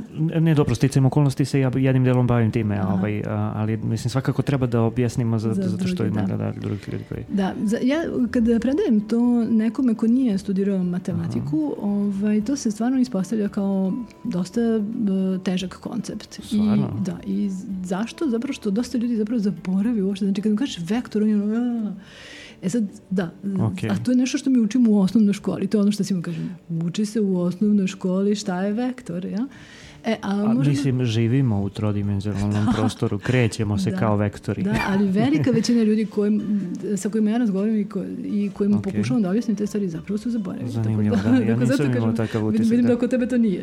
Ne, stvarno nisam imao takav utisak zato što, mislim, ok, malo i u Radio Galaksiji vrlo često pričamo o stvarima koje su nekako se oslanjaju na ono što Mhm. jeste opšte znanje koje, e, koje se možda u ne, ne, ne znam, nekom širem e, široj populaciji vrlo brzo zaboravi, ali e, nekako ja bar ovde podrazumevam u ovom ovde prostoru da ljudi znaju šta je vektor i šta je vektorski prostor u tom Tako. nekom najbazičnijem smislu. E pa, ja sam onda zbog toga došla do jedne metafore ovaj, Aha. koju, koristim za objašnjavanje, nadam se da će pomoći malo. Pa u, u principu ovako, možemo uvek da, da se setimo e, na koji način definišemo boje kada hoćemo, mislim da svi to imaju manje više to iskustvo, znači kada hoćemo da obojimo neka slova u određenu boju, mi onda često imamo tamo onaj sistem koji se RGB sistem, red, green, blue, Mhm. Ove, e sad šta je taj sistem? Mi tamo imamo neka tri broja, je li tako? I sad, e, znači, e, ta tri broja su zapravo pozicija te boje u trodimenzionalnom prostoru. Znači svaka boja, znači imamo ovako, idemo, ako idemo mnogo na plavu, malo na crvenu i, re- i- malo na zelenu, onda će to biti jedna boja, ako idemo, e tako, znači to su Pa to, to je ono što, mislim, nekako učimo još od uh, malih nogu. Jeste. Uzmemo žutu, uh, odnosno, uh, uh, ne žutu, nego ovaj, crvenu, uh, jeste, crvenu, je- zelenu i plavu i to su nam osnovne boje od kojih možemo napravimo bilo koju sled, ono, drugu. Jeste. Žutu ćemo da napravimo mi- tako što ćemo da pomešamo uh, zelenu i plavu i tako dalje. Jest. I sad, Da, da. sad u principu, ja sad ne znam tačno kako da ne, evo ne. Da. Imamo, ovaj, u principu, a, ono što se uči, ja mislim da jeste da su e, žuta i crvena i plava da su osnovne boje, a u ovom sistemu Da, da, su okej. e, crvena, A, da, zelena jeste, i plava. tako tako tako zato sam nastaje, pažljiva, zelena nastaje kombinacijom žute i plave, tako, da, da. Zato sam uvek pažljiva, ne, moram da kažem da ne znam to toliko dobro, zašto je to tako, ali sam uvek pažljiva kad objašnjavam da ne pogrešim. Ok, ok. Ali u suštini poenta jeste u tome da mi ono, od, odgovarajuću količinu svake od tih osnovnih boja, kada odaberemo i spojimo, dobijamo Jeste, neku jeste, ono, tu jeste. Recimo- među boju. Tako, znači, neka, znači te, e, crvena, e, zelena i plava, to su dimenzije u prostoru. Mhm, I sad recimo, e, e, plava boja je tačka koja Mhm. se nalazi na plavoj dimenziji i ove druge ima nula. Znači, to Mhm. će biti, kada stavimo 0, 0, onda 370, e, ne, ne, ide do manje, ide do 255 i manje. Znači, kada Mhm. kažemo 0, 0, 210, to će nam biti jedna onako dosta intenzivna plava boja, bez primesa bilo čega drugog. Mhm. Tako da. E sad, zašto je to vektor? Evo sam ljudi gledaju, aha, pa kao, govorite tač, tačka, tačka, zašto je tačka vektor? Pa vektor je, jel tako, neka strelica koja pokazuje neki smer kretanja. Kako mi dobijemo tu strelicu? Tako što povežemo tu tačku sa uh, Koordinatnim početkom. Koordinatnim početkom, Mhm. dakle, onim centrom tog sistema i svaku tačku povežemo, onda su to vektori. Mhm. I sad, i na osnovu toga mi možemo da računamo, dakle, šta je blizu, šta je daleko uh, i zato je to, to na neki način kod nas ono vektorska reprezentacija. Tako je. 0, 0, 255 i 255, 0, 0 su ono dve ekstremno udaljene tačke. I za, da, I to su ono tamno plava i tamno zelena. Recimo, recimo, recimo, da. Ili tamno crvena koje su, u stvari tamno crvena koje su Jeste. potpuno suprotne boje zapravo. jeste. Ok. E, na taj način mi možemo isto da posmatramo reči. Znači, Mhm. mi možemo da, da kažemo da je svaka reč kao neka boja, samo što prostor u kom mi reprezentujemo reči nije trodimenzionalni, taj prostor je višedimenzionalni, ali ist, ista logika važi. Znači, isti su principi, mi sad imamo, znači, svaka reč je kao neka tačka u tom višedimenzionalnom prostoru i e, to je vektorska reprezentacija reči. Tako. I sad mi možemo, kad ih imamo kao vektore, mi onda možemo da primenjujemo nad rečima operacije koje su vrlo, vrlo generalne operacije nad vektorima. Možemo da ih saberemo, možemo da ih pomnožimo, možemo... E, a ono što, je, ono što se radi sa modelima, znači mi možemo zapravo da pretvorimo jednu reč u drugu. Mi moramo- možemo da, kako to radimo? Pa tako što uzmemo ona tri broja koja definišu tu reč ili boju i pomnožimo ih sa nekim brojima, ili ih podelimo, znači nešto uradimo tim brojevima i onda na taj način pretvorimo jednu reč u drugu. E to, ti, čime množimo i delimo, to su ono što ljudi zovu težine. I to su sad parametri. Rekli smo onim statističkim modelima parametri su bile verovatnoće, a sad su parametri te težine koje mi primenjamo da bismo jednu reč Transformisali u u drugu. neku drugu reč, jeste. Eto, to je neka možda ovaj, neko objašnjenje onako vrlo, vrlo intuitivno o čemu se radi kad kažemo o, da je, da je neka reč ugnježđena u vektorski prostor. Zato ugnježđenje to je embedding.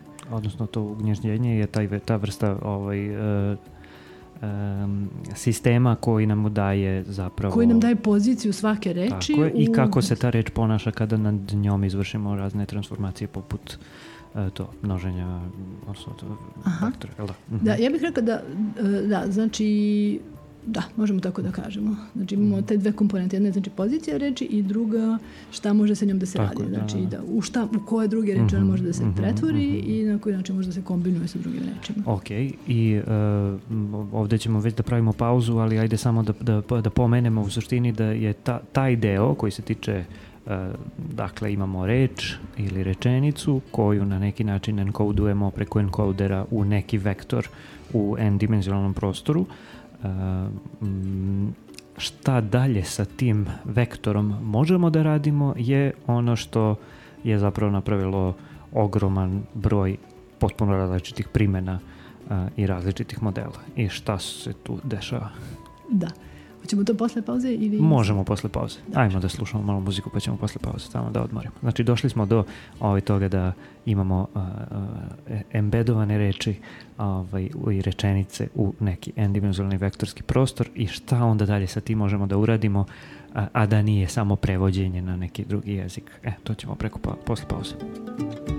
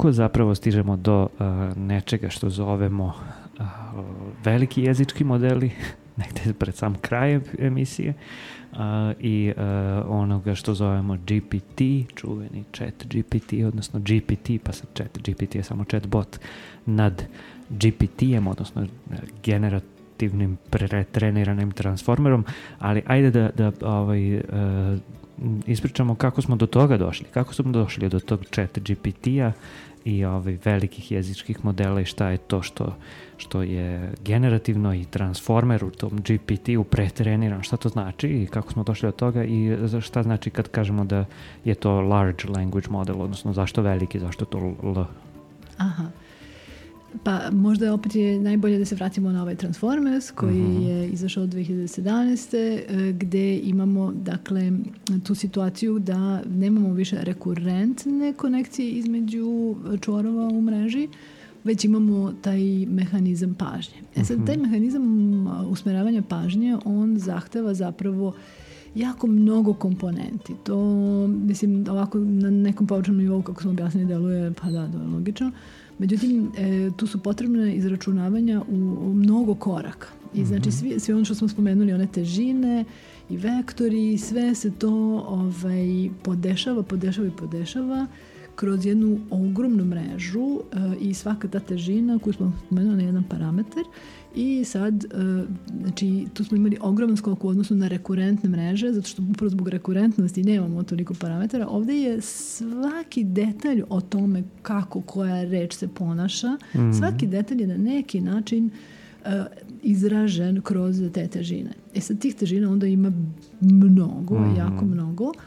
I em, to, je, to je posljedica uvođenja mehanizma usmeravanja pažnje umesto rekurentnosti koja se desila kod modela Transformersa. Zato što se oni zovu Transformers, to ne znamo, to je neka malo igrarija. Znači imamo sad u ovom domenu veštačke inteligencije, ljudi se dosta poigravaju sa imenima. Mhm, mhm. Između ostalog da spomenem, znači postoji jedan uh, BERT model za uh, srpski, hrvatski i naše jezike i on se zove BERTić. Bertić, da, da, da. Da, ovaj, Tačno, da. A postoji tako jedan za, za, na francuski, on se zove Camembert i tako, to je samo jedan, jedna Da, ilustracija. zato, zato što uh, ljudi mogu da uzmu ove te originalne modele uh, i da ih onda uh, treniraju, odnosno fine tunuju Tako takozvano na, na svoj sobstveni jezik ili, svoj, ili neki ono podskup Tako. ovaj, E sad, kako to funkcioniše? Dakle, taj prvi transformer, znači, e, to je, e, transformer se vezuje sa tim mehanizmom pažnje. Zapravo, generaliz, trebalo bi uvijek reći generalizovan mehanizam pažnje, jer oni nisu uveli to. Ove, ali sad ta general, generalizacija, to je njihovo, no, njihov novitet i ta generalizacija mehanizma pažnje je dovela do eksplozije parametara. Znači, to može samo tako da se reši. I oni su, rekli smo, radili na mašinskom prevođenju i pokazali su da to zaista jako poboljšava mašinsko prevođenje. I interesantno, e, to je ono što stalno ljudima kažem kad kažu kao lingvistika nema veze, drugi slučaj u tom radu koji je opisan na kom su oni testirali je upravo sintaksička analiza. mhm, Dakle, oni su koristili e, taj novi mehanizam da pokažu da e, mogu e, bolje da e, reprezentuju one konstituente koje smo spominjali na početku, šta, šta, i da predvide šta će biti konstituent, šta neće. Tako da su, to, to su bila dva glavna slučaja. Chomsky AI. Na neki način. Šalim se malo. Ali, ali da, znači pa drugi, drugi primer jeste bio upravo ono što, evo, od, od kad smo pomenuli to, ja, ja nekako ovaj, u, u svojoj glavi do duše navodim vodu na tu vodenicu, a da se vratimo zapravo na, Da. na, na tu priču. Znači, Evo, čim završimo istorijat, vraćamo To, se to, na to, to, ali da, mislim da. da je interesantno da u tom ključnom momentu, Aha. dakle, kad se objavljuju Transformersi, oni su prva tehnologija koja je razvijena zaista u domenu e, jezika, za obradu Mhm, jezika i koja se raširila na sve drugo. Ove, I pokazana je znači, prednost Transformersa na dva slučaja, jedan je mašinsko prevođenje, drugi je sintaksička Mhm, analiza. To je stvarno ovaj, super. Tako da, o, e, a, znači ti prvi transformersi, oni su imali, ako se ćemo, onaj encoder i decoder. To su Mhm, bile dve komponente koje su bile povezane i pažnja je bila svuda i zato se zove attention is all you need. E sad, znači, prvi naredni korak je bio taj BERT 2019. Mhm. godine. Šta je BERT? Znači, to je kad mi uzmemo samo encoder Mhm. i kažemo ok, sad mi damo rečenicu uh, jednog jezika, ne moramo da je prevodimo, samo, samo je reprezentujemo, provučemo je sad kroz tu ogromnu mrežu koja mora da bude da bi to sve funkcionisalo, ne može ovaj, jednostavno. Znači, provučemo je kroz ogromnu mrežu, podesimo sve te težine I sad, e, to nam je sad enkoder za jezik. Što znači? To mislim, znači, kad je istrenirana ta ogromna mreža, mi njoj damo jednu rečenicu, ona tu rečenicu provuče, jel, kroz, znači, primeni na nju sve ono što je naučila i onda kao izlaz imamo jednu reprezentaciju te rečenice, znači sad ta rečenica je isto jedna tačka u svom prostoru, prostoru rečenica. I to znači pozicija te rečenice u tom prostoru rečenice, to je njeno značenje.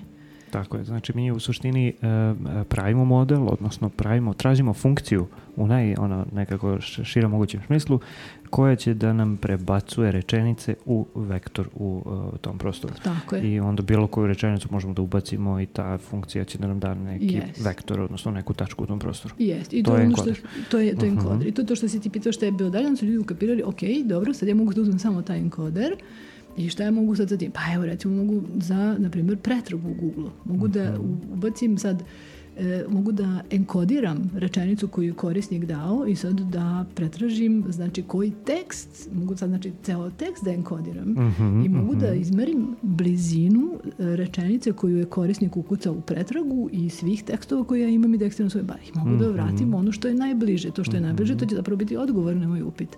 To je jedna vrlo, vrlo konkretna primjena koja Google, mislim, razume se, e, značajno e, koristi. Zatim druge primjene, Ne samo u Google, mislim, bilo koji pretraživač ovaj, može tako da radi. Tako Možda je. ne samo ni pretraživač, nego ovaj, ono što zovemo recommender sistemi. jeste, Ovaj, mi možemo da recommender sistem napravimo tako što ćemo da, da um, napravimo neku vrstu transforma, enkodovanja zapravo Jeste. ono, ne znam, filma u vektor i ovaj i onda samo nađemo najbliži mogući drugi E, vektor. apsolutno, i, isto. Da- Dakle, to je ono što gde se sada stvari stvarno preklapaju jako A. mnogo između raznih tipova podataka. Dakle, Mhm, mhm. tekst, zvuk, slika. Isto. I u- zato i imamo sad sve ove modele koji mogu da konvertuju iz jednog u Mid drugi. journey, dali i Da. tako dalje. Zato da, što da. smo sve Mhm. lepo ugnezdili u, u vektorski prostor i sad možemo da računamo sličnosti koliko hoćemo, Mhm. što- sve između svega. Jel? Tako da to je bila ta ideja uh, odvajanja enkodera i to je bila vrlo slična ideja kao word to vec, samo što je ovaj enkoder bio mnogo napredniji jer on kroz taj mehanizam pažnje zapravo mnogo bolje uračunava kontekst. Mhm. Ovaj kontekst u word to vec je bio onako malo e, nespecifičan i Tako, tako, a ovo je sad mnogo bolje i zbog tog napretka u uračunavanju konteksta, znači mi sad imamo ta značenja koja su specifičnija, koja su, koja su ove mnogo korisnije u tom smislu. Eto, to je, to je bila znači, jedna uh, je- jedan put i možda još jedan primjer koji je onako vrlo, vrlo raširen. Mi sad možemo da uzmemo tu istu rečenicu, da je enkodiramo i onda da učimo Znači, da li je to re- pozitivno ili ne? Recimo, kada, kada pokušamo da predvidimo, na primjer, da li će se neki film dopasti Mhm. publici, mi možemo da vidimo ko je šta rekao o tom filmu i onda možemo da izračunamo, ok, da li Tako, je da, da. pozitivno, znači sve. Bezbroj primjera. To da. je to, da. sad, da. mislim E, tako da to je, to je sad jedna stvar, a onda druga stvar, onda su se dosetili malo nakon toga, hm, pa dobro, ove, ako možemo da odvojimo enkoder, možemo da odvojimo i dekoder. E sad šta Mhm. radi dekoder? Dekoder generiše rečenice, jel? I sad što znači GPT, to je, a, znači, a, Generativni? Ge- Generative? Generative Pre-trained Transformers. Mhm, znači, mhm. to je, dakle, sad uzmemo onu komponentu koja samo generiše i nju dobro istreniramo. E sad šta radi ta komponenta? Znači, za bilo koji prefiks, što se zove prompt, e, znači mi obradimo taj prefiks tom mrežom koja je trenirana i onda na osnovu toga mreža kreće da izbacuje nastavke. I to je ono što je jezičko modelovanje što smo čuli još u onom statističkom, Mhm, statističkom delu, jer i tada je jezički model imao zadatak da proračunava verovatnoću sekvence niske, mhm. tako i ovde. Znači, proračunava šta je to što sledi ovom prefiksu i Tako na je, taj da. način uh, generiše. Znači, tad ranije smo imali zapravo jednu reč, drugu reč, a sad ovde imamo upit, odgovor, ajde da to tako kažemo. Na primjer, Mhm, da. Mada, mada je u principu uh, kod generativnih uh, modela kao GPT tipa, to što mi uh, damo kao upit, to mi doživljamo kao upit. Za njega je to prefiks. Vektor, tako da. Ne, ne, prefiks. Prefiks, Prefiks, da. to je za njega kao, aha, ja sam, on, on misli kao, ja sam ovo do sad izgenerisao i, Mhm, znači, mhm, da, da, ako da. uzmemo da sam ovo do Jasno, sad izgenerisao, šta je sledeće? Da, da. mhm. Pošto on uči to. On samo gleda šta je do sad izgenerisano Mhm, i onda nastavlja. To su nastavljači. Tako.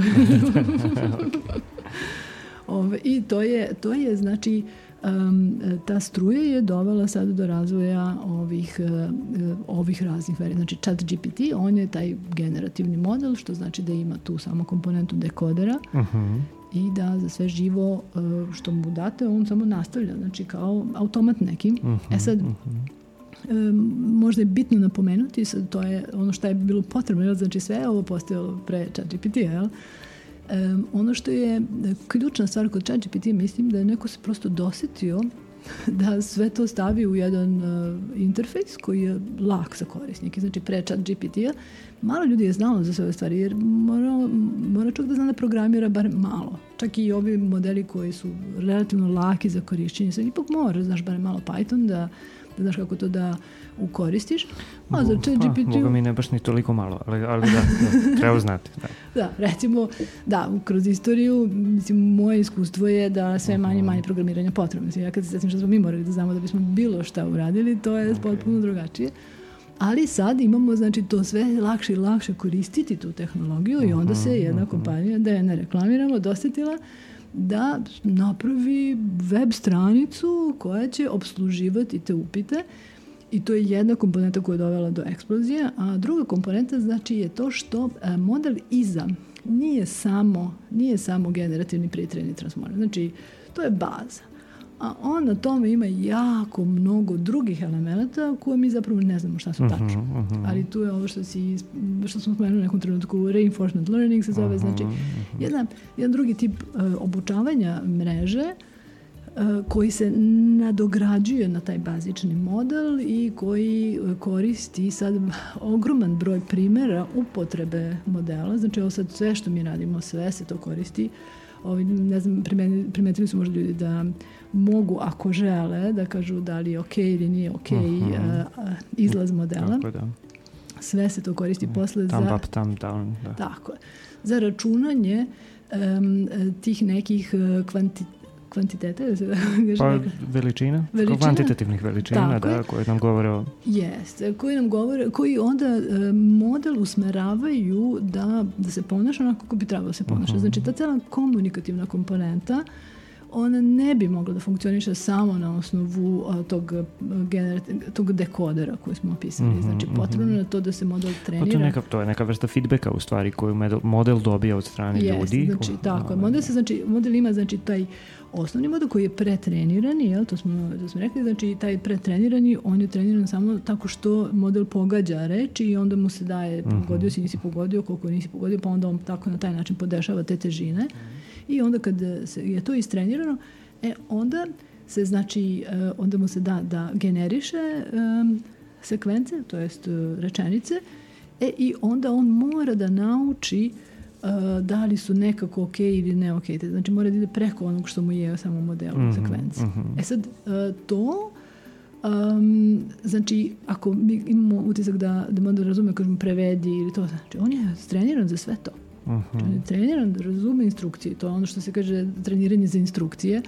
Znači, um, mi ne znamo tačno, ali tu, uh, zna se da se tu barata stotinama hiljada primjera, čak i milionima primjera koji se koriste, znači primjera instrukcija, gde, da se onda prati da li je model dobro odgovorio na instrukciju ili ne i tako da se on za to tačno trenira. I to je to što mi sad imamo kao ova nova tehnologija uh, generativne veštačke inteligencije.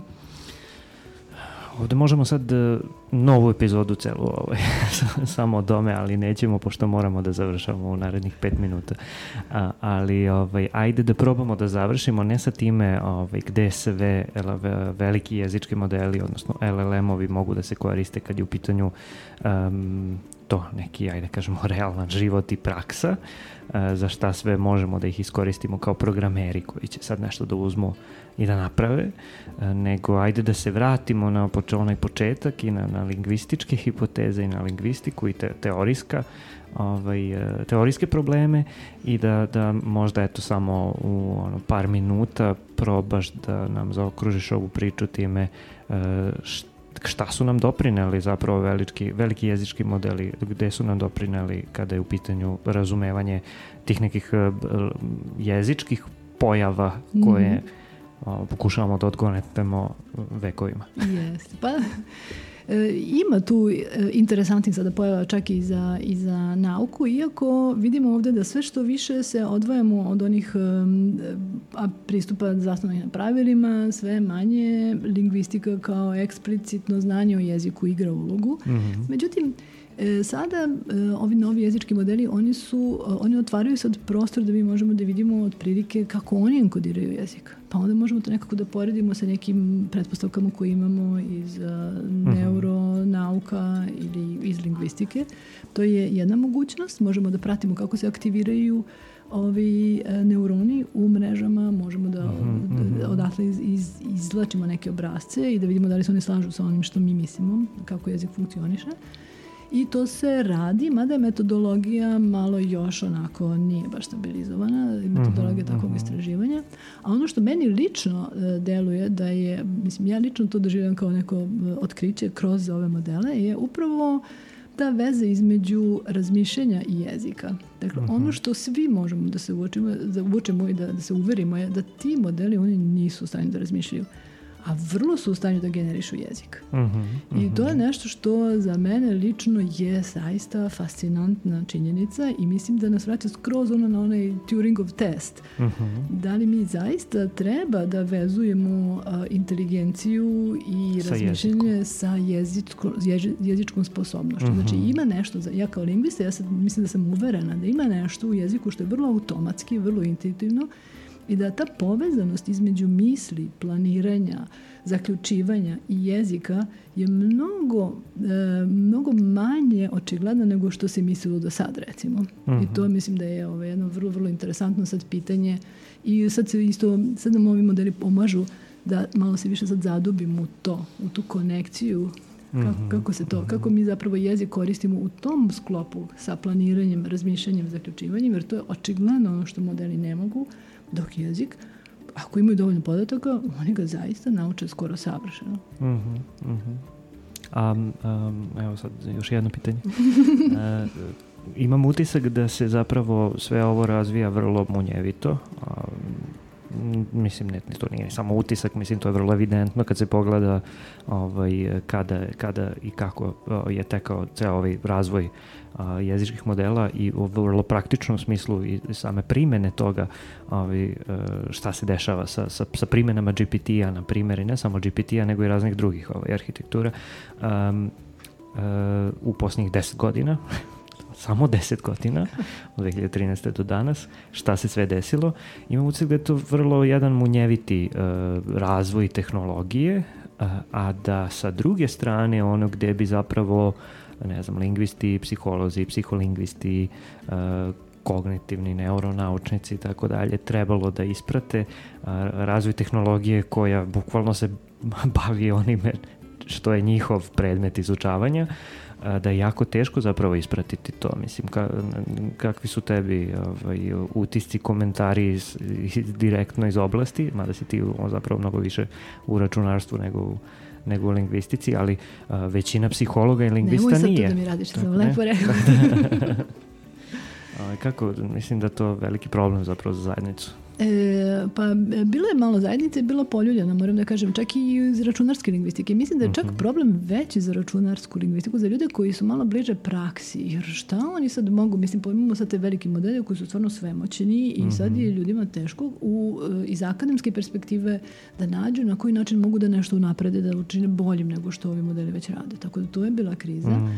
Ovaj, I razgovarali smo dosta između, između kolega. Ono što, do čega sam ja došla u nekom trenutku je zapravo ta razlika između onog šta je nauka i šta nije nauka. Ja sam našla neku uh, granicu i vidim da sad dosta toga što se dešava ide zapravo ka biznisu i praksi i ja sam onda odlučila, dobro, to sve što je biznis, to mene ne zanima. Ja nisam, nisam preduzetnik, ja to ne moram ni da pratim. Ono što mene zanima, mene zanima ovo o čemu smo pričali, znači ove vrlo, vrlo dubinske stvari i ja to pratim. Pratim da li će, recimo, ne znam, e, ove godine, ne, prošle 2023. je izašao novi način, znači umjesto ovog reinforcement learning imamo sad nešto što se zove direct preference optimization, znači direktno optimiziranje. E sad meni je to, na primjer, interesantno. Znači da vidim E, što to je novina u smislu bazičnog modelovanja, a sad kako će, koji model će da izađe, zašto će da se koristi, koja, koja kompanija, to to ja više ni ne pratim. Mhm, mhm. Tako da tako nekako pokušavam i svoje kolege da usmerim.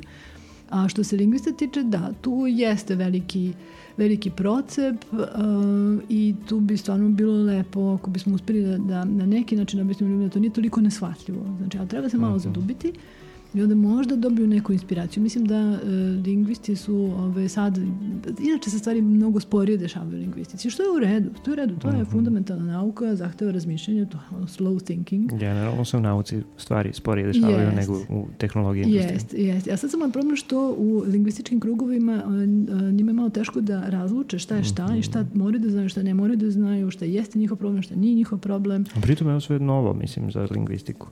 Mogu, možemo, mogu zamislim ono gomilu katedri ovaj, koje, koje još uvek nisu prešle na neke stvari koje su, ne znam, recimo na, ne znam, po evropskim univerzitetima se rade već 30 godina, na nekim univerzitetima možda još uvek ljudi nisu došli do toga. Pa ima, ima i Mislim, to, to, to nam je boljka generalno, mislim, ne samo kod nas, nego, nego u dobrom delu sveta. Da, tromost, Mhm. a posebno na, na takvim, dakle, katedrama koji imaju veze upravo jezik Mhm. spada u te discipline koje imaju izuzetno dugu tradiciju. I sad, Mhm, što duža tradicija, to je nekako veća tromost i teže je prilagoditi se novim, Nismo, nismo ni uspeli da pričamo o standardizaciji i o tome kako, je, kako jezički modeli, veliki jezički modeli ovaj, tretiraju i taj problem, ali to neka druga tema. Da, to, Ovaj, je, to da. je Sad se ta naravno razne da. teme, ali... U, pet, u pet minuta do kraja emisije se otvori još deset ono pitanja za, za naredna dva sata, tako da Pa kao u nauci, da, da otvorimo Da. nove pitanja. Kad smo nešto shvatili, onda se nova pitanja otvaraju i to tako ide. Uh, moramo sad ovde da, da prestajemo. Hvala ti mnogo. Ovaj, uh, bilo, meni je bilo baš zanimljivo i bilo je pro, proteklo vreme. Imam još tri sata ovih pitanja za tebe, ali to ćemo da ostavimo za neki drugi put. Hvala puno, meni je isto bilo ogromno zadovoljstvo, stvarno vam je divno ovde. Hvala vam. Čujemo se sledećeg utorka, poslušajte i preporučite ovu epizodu ponovo i ako, ako vas je zanimala i preporučite i ove neke druge epizode koje se bave jezikom. Čujemo se.